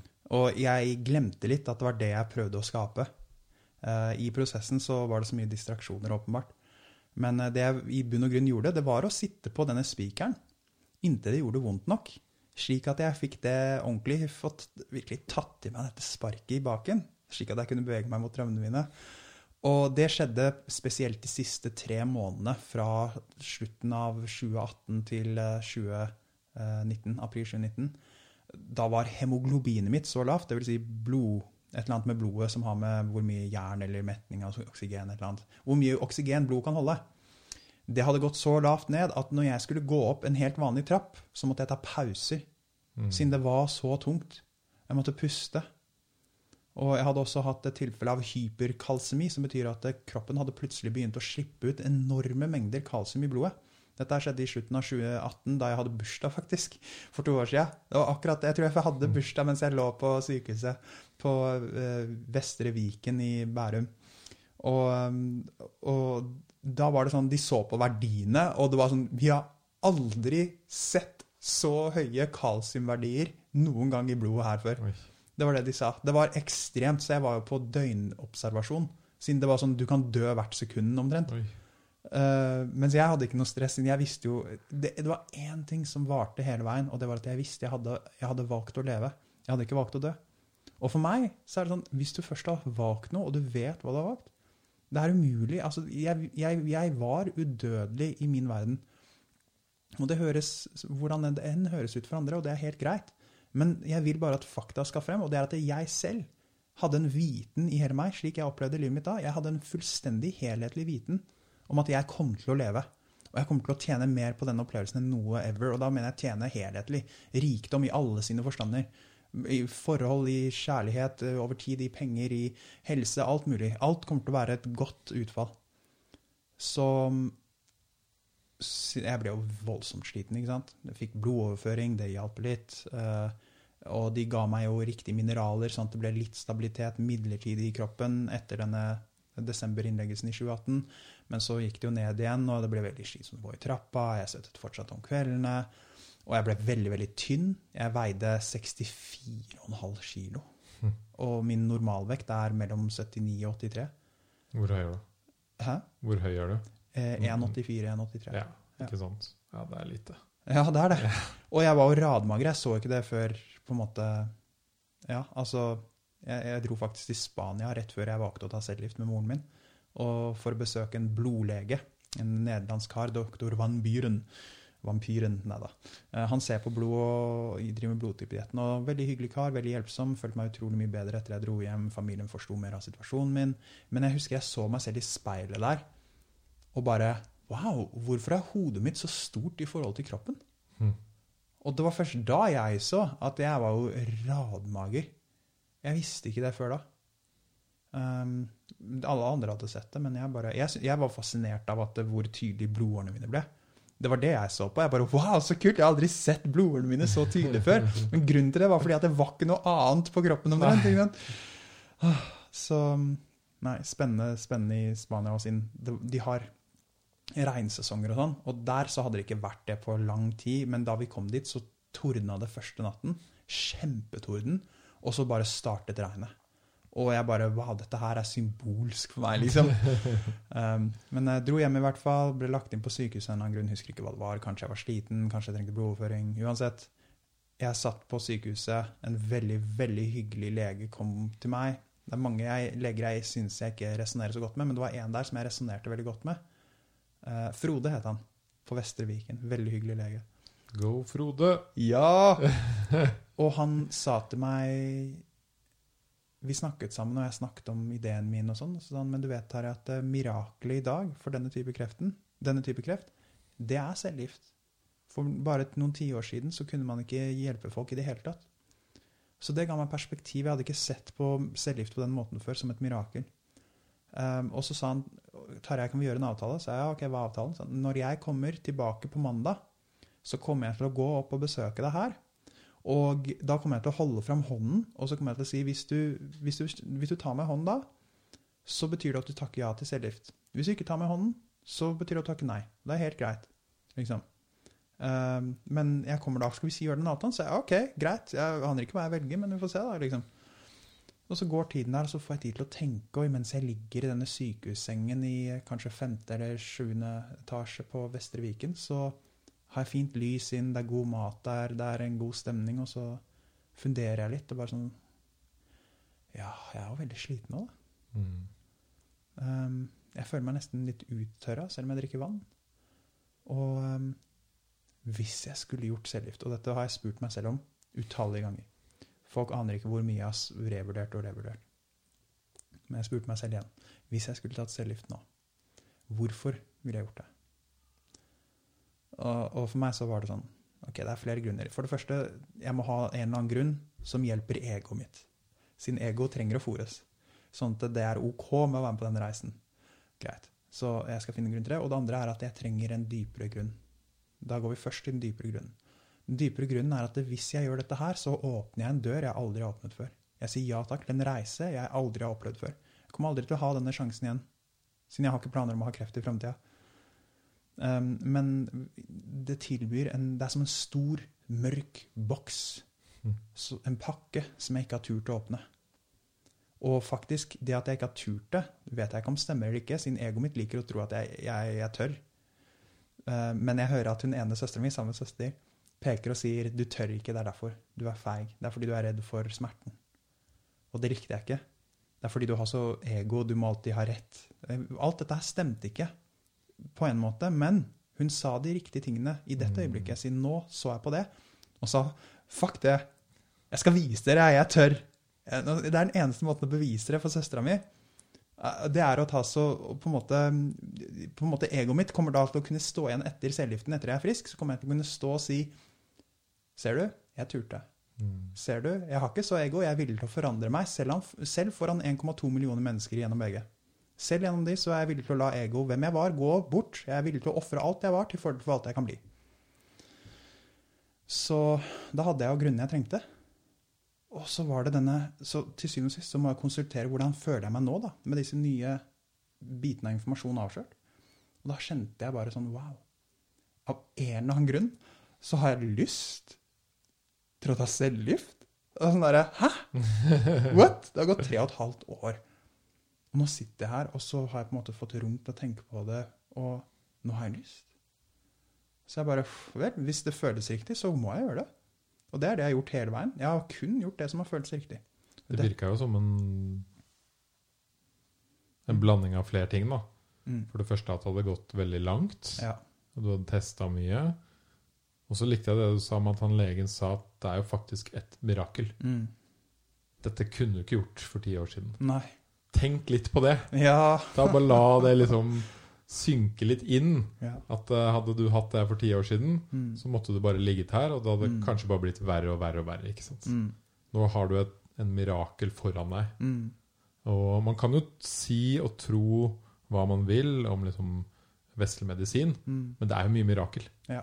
Man lager jo det ikke for å gjøre folk mer vondt. Nei. Man lager det jo for at det er en eh, forhåpentligvis en løsning for mange. ikke sant? Litt sånn som å dra til tannlegen. Ja. og jeg hadde jo mye mer motstand mot farmasøytindustrien på den tida. Jeg visste jo ikke hvor nydelige menneskene er på eh, mikronivå, f.eks. Det er veldig mange pengemotiverte eh, drakrefter når, når, man ser på makronivå av farmasøytindustrien. Det er veldig mye motivasjon av å tjene penger, ikke å helbrede mennesker. Når man ser på store selskaper og sånn. Men den motstanden jeg hadde på den tida, den har jeg endelig klart å gi slipp på. Og det var viktig for meg. Mm. Siden jeg har jo som sagt lyst til å kunne elske alt og alle. Og det gjør at jeg må forstå, og i dette tilfellet så måtte jeg også oppleve. Så eh, det stemmer veldig godt at det er eh, det- at han sa at det var et mirakel, det var at eh, det gjorde at jeg kunne se det gjennom litt hyggeligere øyne. Ja. Nytt perspektiv. Ja, og det hjalp meg, altså. Og etter det så fortalte jo når jeg begynte å få C-liften, så sa de liksom ja, du ser denne her, den er utvinnet fra en blomst som heter vinkristin. Og så viste de meg bilde av blomsten, og jeg bare oh my god, så herlig! Så dere bruker planter og, Det var helt vidunderlig, liksom. Det er urtemedisin, da. Um, den var den tøffeste C-liften, og den vinkristinen den var, det kom i en sånn liten pose. Jeg husker ikke om den var rød eller ikke, men den var sterk, ass. Fy søren. Fjernet alle slimhinner og bare tørr i halsen. Wow. Ikke noe hyggelig, men uh, kom over det i Ja, seks hvordan er det å gå gjennom den kuren? Det er det er hva man gjør det til. Mm. Uh, og så er det også det at det er noe veldig definitivt over det, og det er at det, det skal godt gjøres å gå gjennom cellegift uten å eh, Uten å møte fysiske utfordringer. um, På og- hvilken måte da? Nei, altså, fy søren. På en måte så var det beste jeg har gjort, siden jeg bare jeg ga slipp. Jeg bare sa, vet du hva, jeg har lengtet etter å gi fullstendig slipp og lande i armene på et system som tar meg imot. Det har jeg lengtet etter, den følelsen, siden jeg har gått og bært på dette her så lenge. Alene omtrent. Med masse motstand. Hvis jeg gjør det folk vil, så er det den letteste veien. Men det er ikke den beste veien for meg. Jeg, bare for å kommentere en ting. Hvis denne her sykdommen ikke var kurerlig i vår, dag, vår tid, så dette her, jeg håper folk ikke blir offended for mye av det. I så fall er det fordi de ikke forstår hvorfor jeg sier det. Men jeg tror det hadde vært lettere for meg å gå gjennom en sykdom hvis den ikke engang kunne kureres. Siden da hadde ikke familien hatt noe annet valg enn å måtte håpe på at det fantes en annen vei. Man åpner seg plutselig for uendelig potensial hvis man først velger å tro at det går an å leve. Så sånn sett så hadde det vært lettere for meg og min personreise, siden jeg tror Jeg, jeg trenger ikke engang tro på det. Det er kvantefysikk som beviser at vi lever i parallelle virkeligheter som sameksisterer på dette øyeblikket her. Liksom. Men min reise trengte akkurat dette eventyret. Jeg trengte å helbrede noe som lå i familien min nå. eh, Og cellegiften den var hjelpsom på den måten at den brøt meg ned. ass. For det første så, det, så sier de jo så klart du kommer til å miste alt håret. Ok, cool. Um, masse utfordringer, og kroppen forandrer seg, og jeg gikk jo massivt opp i vekt, som regnes for å være bra, fordi jeg fikk uh, kortison, eller sånne der, um, steroider. Det viste seg å være veldig bra for lymfekreft. uh, I en kort periode. da. Prednisolon het det. Veldig sunt for uh, lymfom. vanligvis, med disse andre cellegiftene. Jeg tror jeg fikk fem forskjellige typer cellegifter som jeg skulle gå på i en uke hvor jeg var innlagt, siden da fikk jeg det direkte intravenøst. Det er litt spesielt når de tar det så hardt i poser og sier hvis du får dette på hendene, så svir det, og det er skadelig. Wow. Og dette her skal direkte inn i blodåren. Ja. Det går helt fint. Helt fint, sier de.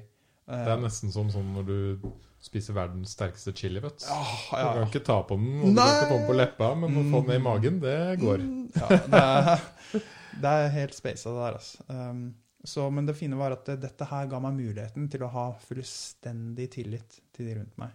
Og det trengte jeg å oppleve. Jeg hadde ikke hatt det på lenge. Mm. Så jeg bare overga meg. Jeg bare la meg ned i sykehussenga og sa vet du hva, jeg har sagt ja til dette eventyret. Gjør hva enn dere vil med meg. Jeg kommer til å spørre spørsmål over absolutt alt. Og så vil jeg teste absolutt alle muligheter til å få det som jeg vil. Hvis det ikke går, så kan jeg fortsette å fortsette reisen. Siden jeg har committet nå. Når jeg tar et valg, så tar jeg et valg. Det har jeg gjort. Uh, og det visste ikke de som var på Vestre Viken, så de bare Tarjei har sagt ja, siden Frode han kom inn og bare ja, Tarjei, hvordan går det? Holder ut hånda, og så tar jeg han i hånda.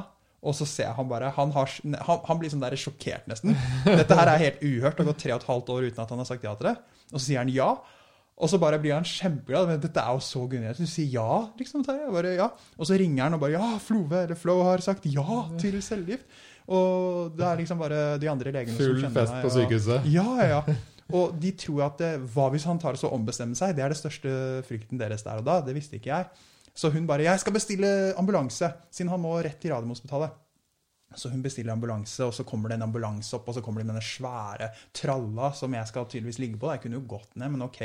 Så jeg, jeg tenkte sånn Oi, så koselig. Og så kom jeg til ambulansen. Og for meg da så er det sånn Å, de vet at jeg liker nye opplevelser, og så vil de la meg oppleve å kjøre ambulanse. Det var hvordan jeg tenkte, siden jeg syntes det var så gøy. Og hun som kjørte ambulansen, hun elsket å kjøre bil. og det var bare, Hun kjørte kjemperaskt, hadde blålys på. Og jeg bare Å, dette er så gøy! Kjørte gjennom tunnelen, og så gøy å kjøre så raskt.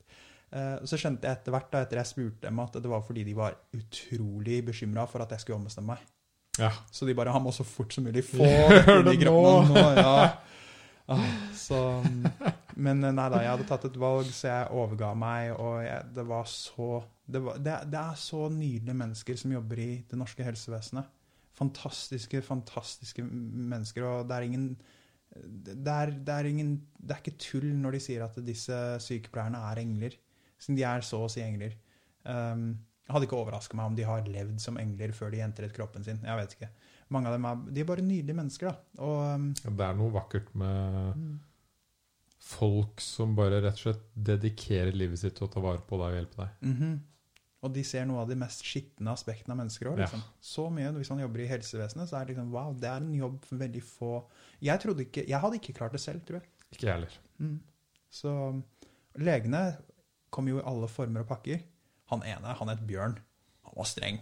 Og han hadde skjønt at her har vi en pasient som eh, på en måte har vært litt sånn eplesjekk og tror at han vet mer om eh, hans egen kropp og medisin enn oss. Så han må vi skremme på plass. Ingen av disse folka skjønte at når jeg tar et valg, så har jeg tatt et valg. Da gjør jeg det. Så han kom inn, og han hadde rollen om å på en måte skremme meg litt på plass. da. Så han hadde en dyp samtale med meg, dyp stemme også.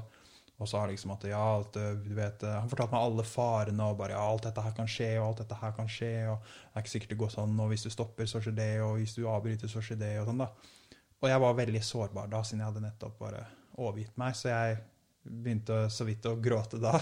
Um, og jeg visste ikke helt hvorfor. Jeg bare sa hei, jeg setter, setter, pris på at du forteller meg alle disse grunnene, men jeg trenger ikke dette nå. Jeg har lest det, jeg forstår det, jeg har tatt valget. Uh, og så virket det som han skjønte det, og så tror jeg han hadde Ja, han, han gikk, da. Um, og han kom ikke tilbake igjen, siden jeg sa at jeg syntes han var litt for streng for meg nå. så Sant. Ja, så mange gode leger der tok imot behandlingen. Etter, disse, etter uken man er innlagt og får dose intravenøst, så får man tre uker mellomrom, tror jeg det er. Mm. Og i de, den første eller noen sånn uken av det, så skal man ta eh, cellegift på pille. Jeg visste ikke at det fantes, men det finnes. Så jeg skulle ta det. teknologien og medisinen har kommet så sykt langt. Ja, det er helt vilt og masse andre ting. Og den pillen den var, var lite hyggelig. Det føltes ut som å slippe en liten atombombe ned i magen. Oi. Og så når den løste seg, så var det sånn puff, så ble jeg oppløst alt mulig.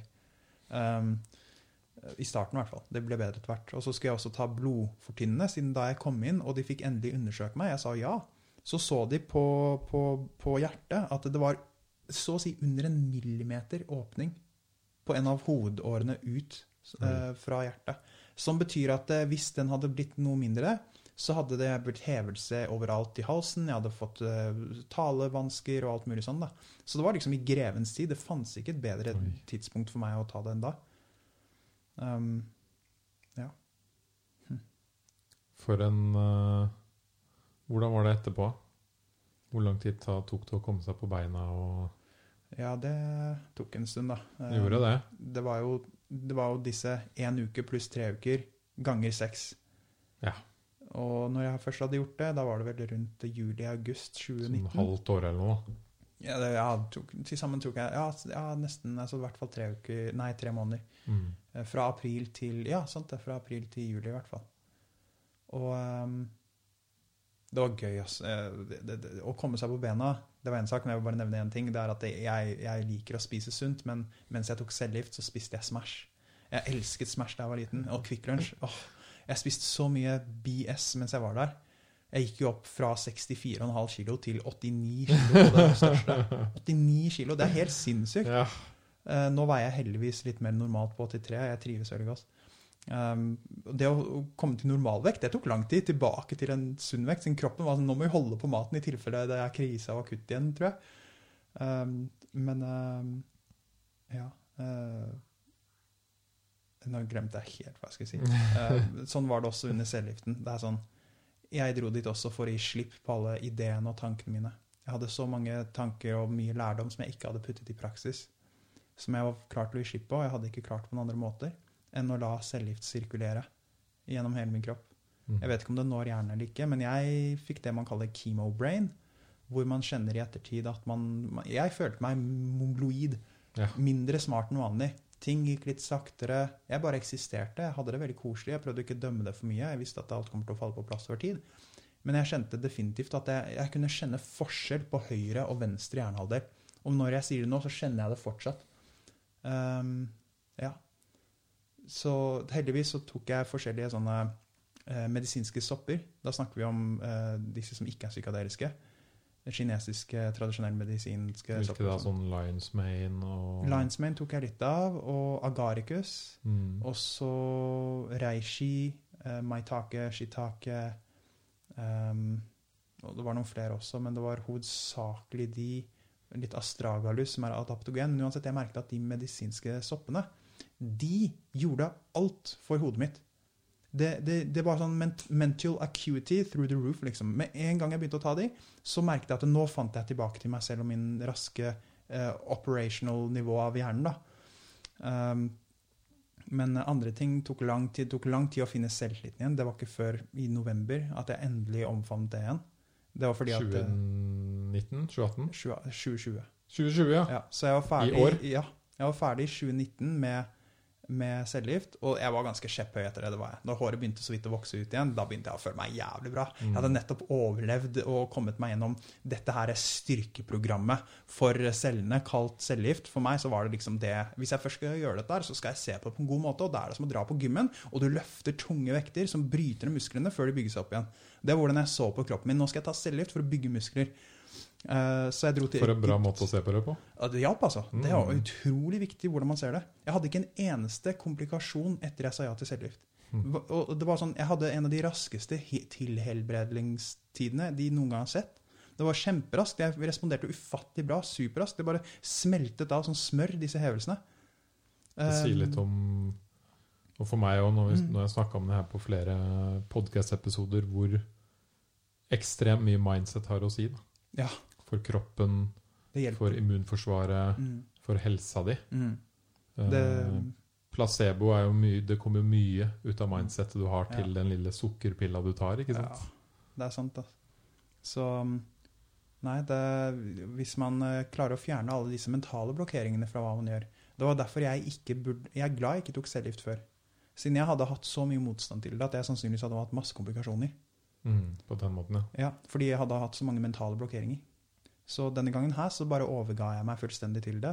Jeg likte det ikke. Det var ubehagelig. Jeg følte meg eh, lite god i kroppen etter cellegiften. Spesielt med tanke på hvordan det bare destruerer slimhinnen eh, og sånne ting. Og alt håret faller av, som er en opplevelse i seg selv.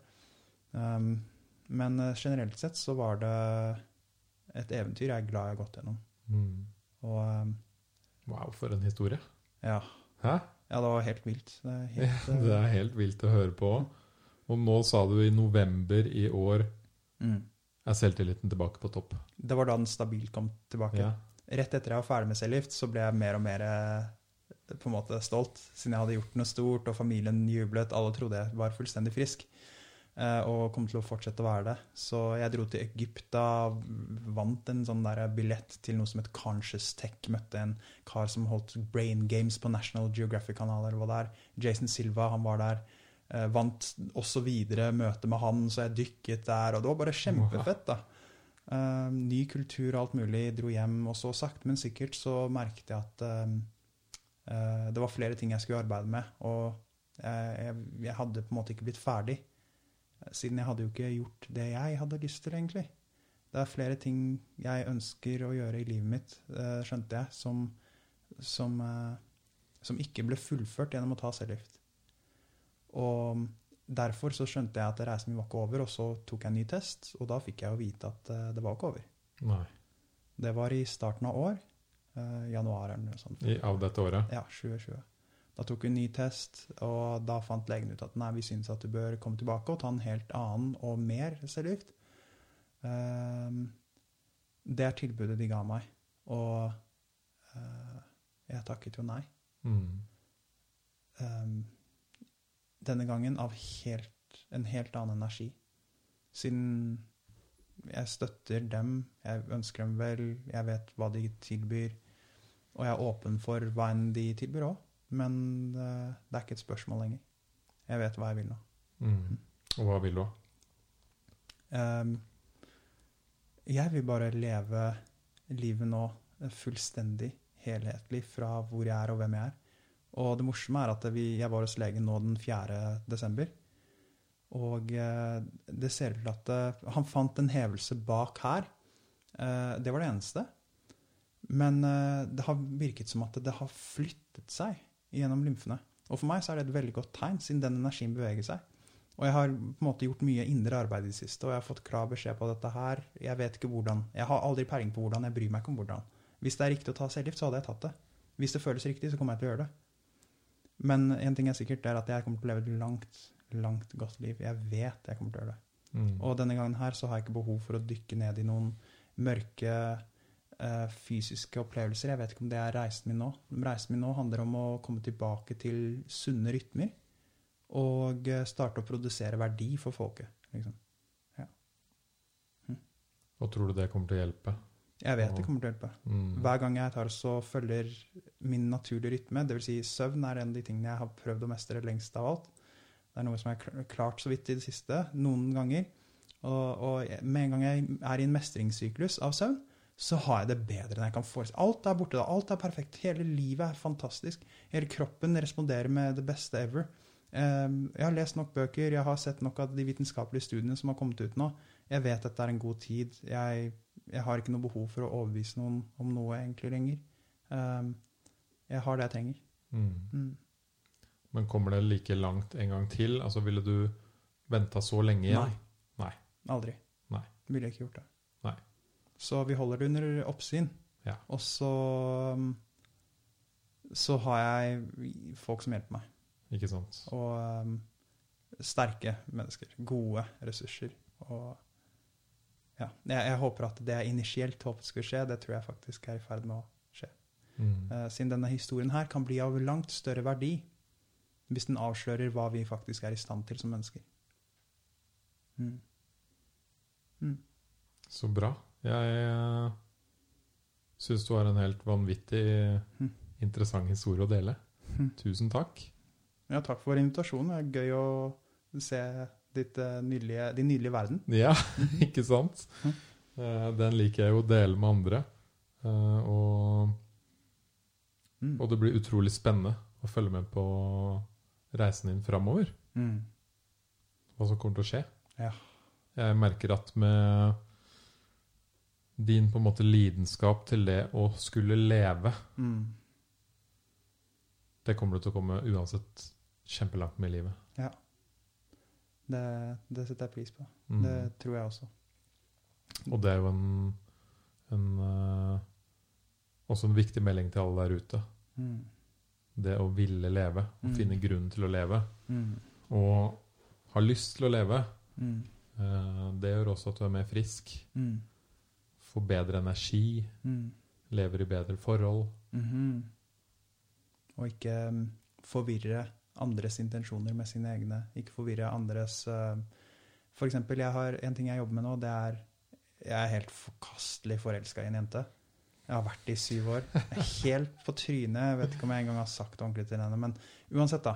For meg så har det føltes som at åh, når, når jeg tenker på henne i forhold til alt annet i hele mitt liv, så er det sånn Jeg trodde skalaen gikk fra 1 til 100, og mye av det jeg jobber for, er liksom på 99 og 100. Men med en gang jeg tar med på en måte den store kjærligheten inn i bildet, så er det sånn fuck, skal han gå til 10 000. Det er liksom, skalaen går forbi, og det er sånn ingenting i mening i forhold. Men der er også en av de forvirringene jeg må gi slipp på, som jeg har jobbet med i det siste, og det er å vite at vet du hva, jeg vet ikke om det er henne, jeg vet ikke om det er den andre. Uansett så vet jeg at livet er bra. Mm. Det var, et, det var en tid hvor jeg tenkte hvis det ikke er henne, hvordan kan det være noen? Liksom? Og i så fall, hvis det ikke er henne, vil jeg leve, liksom? Altså, jeg er ikke Ja, og suicidal, har aldri det vært det, men Det er de tankene der man ikke må la ta overhånd. Da. Ja. Eller observere dem med humor, siden det er litt humoristisk. Man må observere dem, Mm, og de kommer til å komme. Ja. Alle har dem. mm, Men det å ikke la de styre livet, ja. det er veldig viktig. Og det er vanskelig, altså. Det er kjempevanskelig. Jeg, sånn, jeg lar det ikke styre meg så mye, men jeg merker at um, det påvirker helsen min. Siden med en gang en eneste tanke av at eh, Hva hvis jeg egentlig vil være et annet sted? Mm. Hva hvis jeg er ferdig med Hva hvis jeg ikke har noe som gjør at jeg har lyst til å leve lenger? egentlig? Hvis det er noe som setter en blokke for det, så har jeg med en gang begynt å tenke tanker som fører til destruksjon. Og det sies at en plante enten vokser den, eller så dør den. Så hvis jeg, hvis jeg, Det er ikke noe mellomgrunn. Hvis jeg starter å tenke nedover, så merker jeg det i kroppen. Hvis jeg lar meg selv fortsette å blomstre, hvis jeg lar meg selv fortsette å, å For meg, da, først og fremst, så merker jeg det handler for meg mye om å bare sette pris på. Elske. Det er det jeg, jeg føler at Hvis det er én mening jeg er her for, så er det fordi at jeg har lyst til å bare ose over. Jeg har lyst til å, jeg har lyst til å bare øse verden med kjærlighet. Jeg har lyst til å skape broer og herlighet og bare anerkjenne andre og, og meg selv i denne livstiden her. da. Det syns jeg var en veldig fin uh, avslutning. Yes. Og det håper jeg inspirerer alle andre til å gjøre noe av det samme. Mhm. Å spre og skape kjærlighet er virkelig det som betyr noe. Mm. Og det du får mye igjen for i livet. Mm. Og det som holder deg frisk. Ja. Det er, sånn, det er den tingen man gir, som gjør at du umiddelbart er forsynt. Ikke Kan ikke gi kjærlighet uten å føle det. Tusen takk for besøket. Takk skal du ha. Jeg skal pris på eh, invitere deg tilbake om en stund, så får vi se hvordan det går. Ja, så bra. Det blir gøy. Det blir artig. Og hvis noen vil uh, følge reisen din, eller Mm. se hva som skjer, hvordan, hvordan, hvor kan de gjøre det? Da vil jeg anbefale akkurat nå det mest offisielle stedet. Det er uh, enten Instagrammen min eller Facebook. Facebook er der hvor jeg er mest. Der har jeg en side hvor jeg bruker det som kommer til å være mitt nye navn fra mai i neste år, som er kun Theoflow. Da er jeg klar for å legge fra meg Tarjeis eksperiment. Jeg føler det er endelig det jeg har lyst til å gjøre. Det er da du er velkommen tilbake hit, vet du. Ja, det er det. ikke sant? Ja, Ja, ja. Så da blir det etter den 19. mai, siden det er da jeg på en måte ja, er ferdig. Mm. Da heter jeg kun Theo Flow, og det er det Theo navnet jeg Flow, ja. elsker. Jeg elsker Theo, jeg elsker navnet mitt Theo. Jeg elsker også Tarjei, men jeg er ferdig med Tarjei. Tarjei har served its purpose. VG har kjøpt det, nesten. jeg fikk ikke betalt, bare så det er sagt, men VG kan ta det. det er folkets. Ikke sant? Tarjes eksperiment er ikke meg lenger. Altså, Det har skjedd. Ja. Livet går videre. jeg gir slipp. Greit. Tusen takk for i dag. Takk for nå.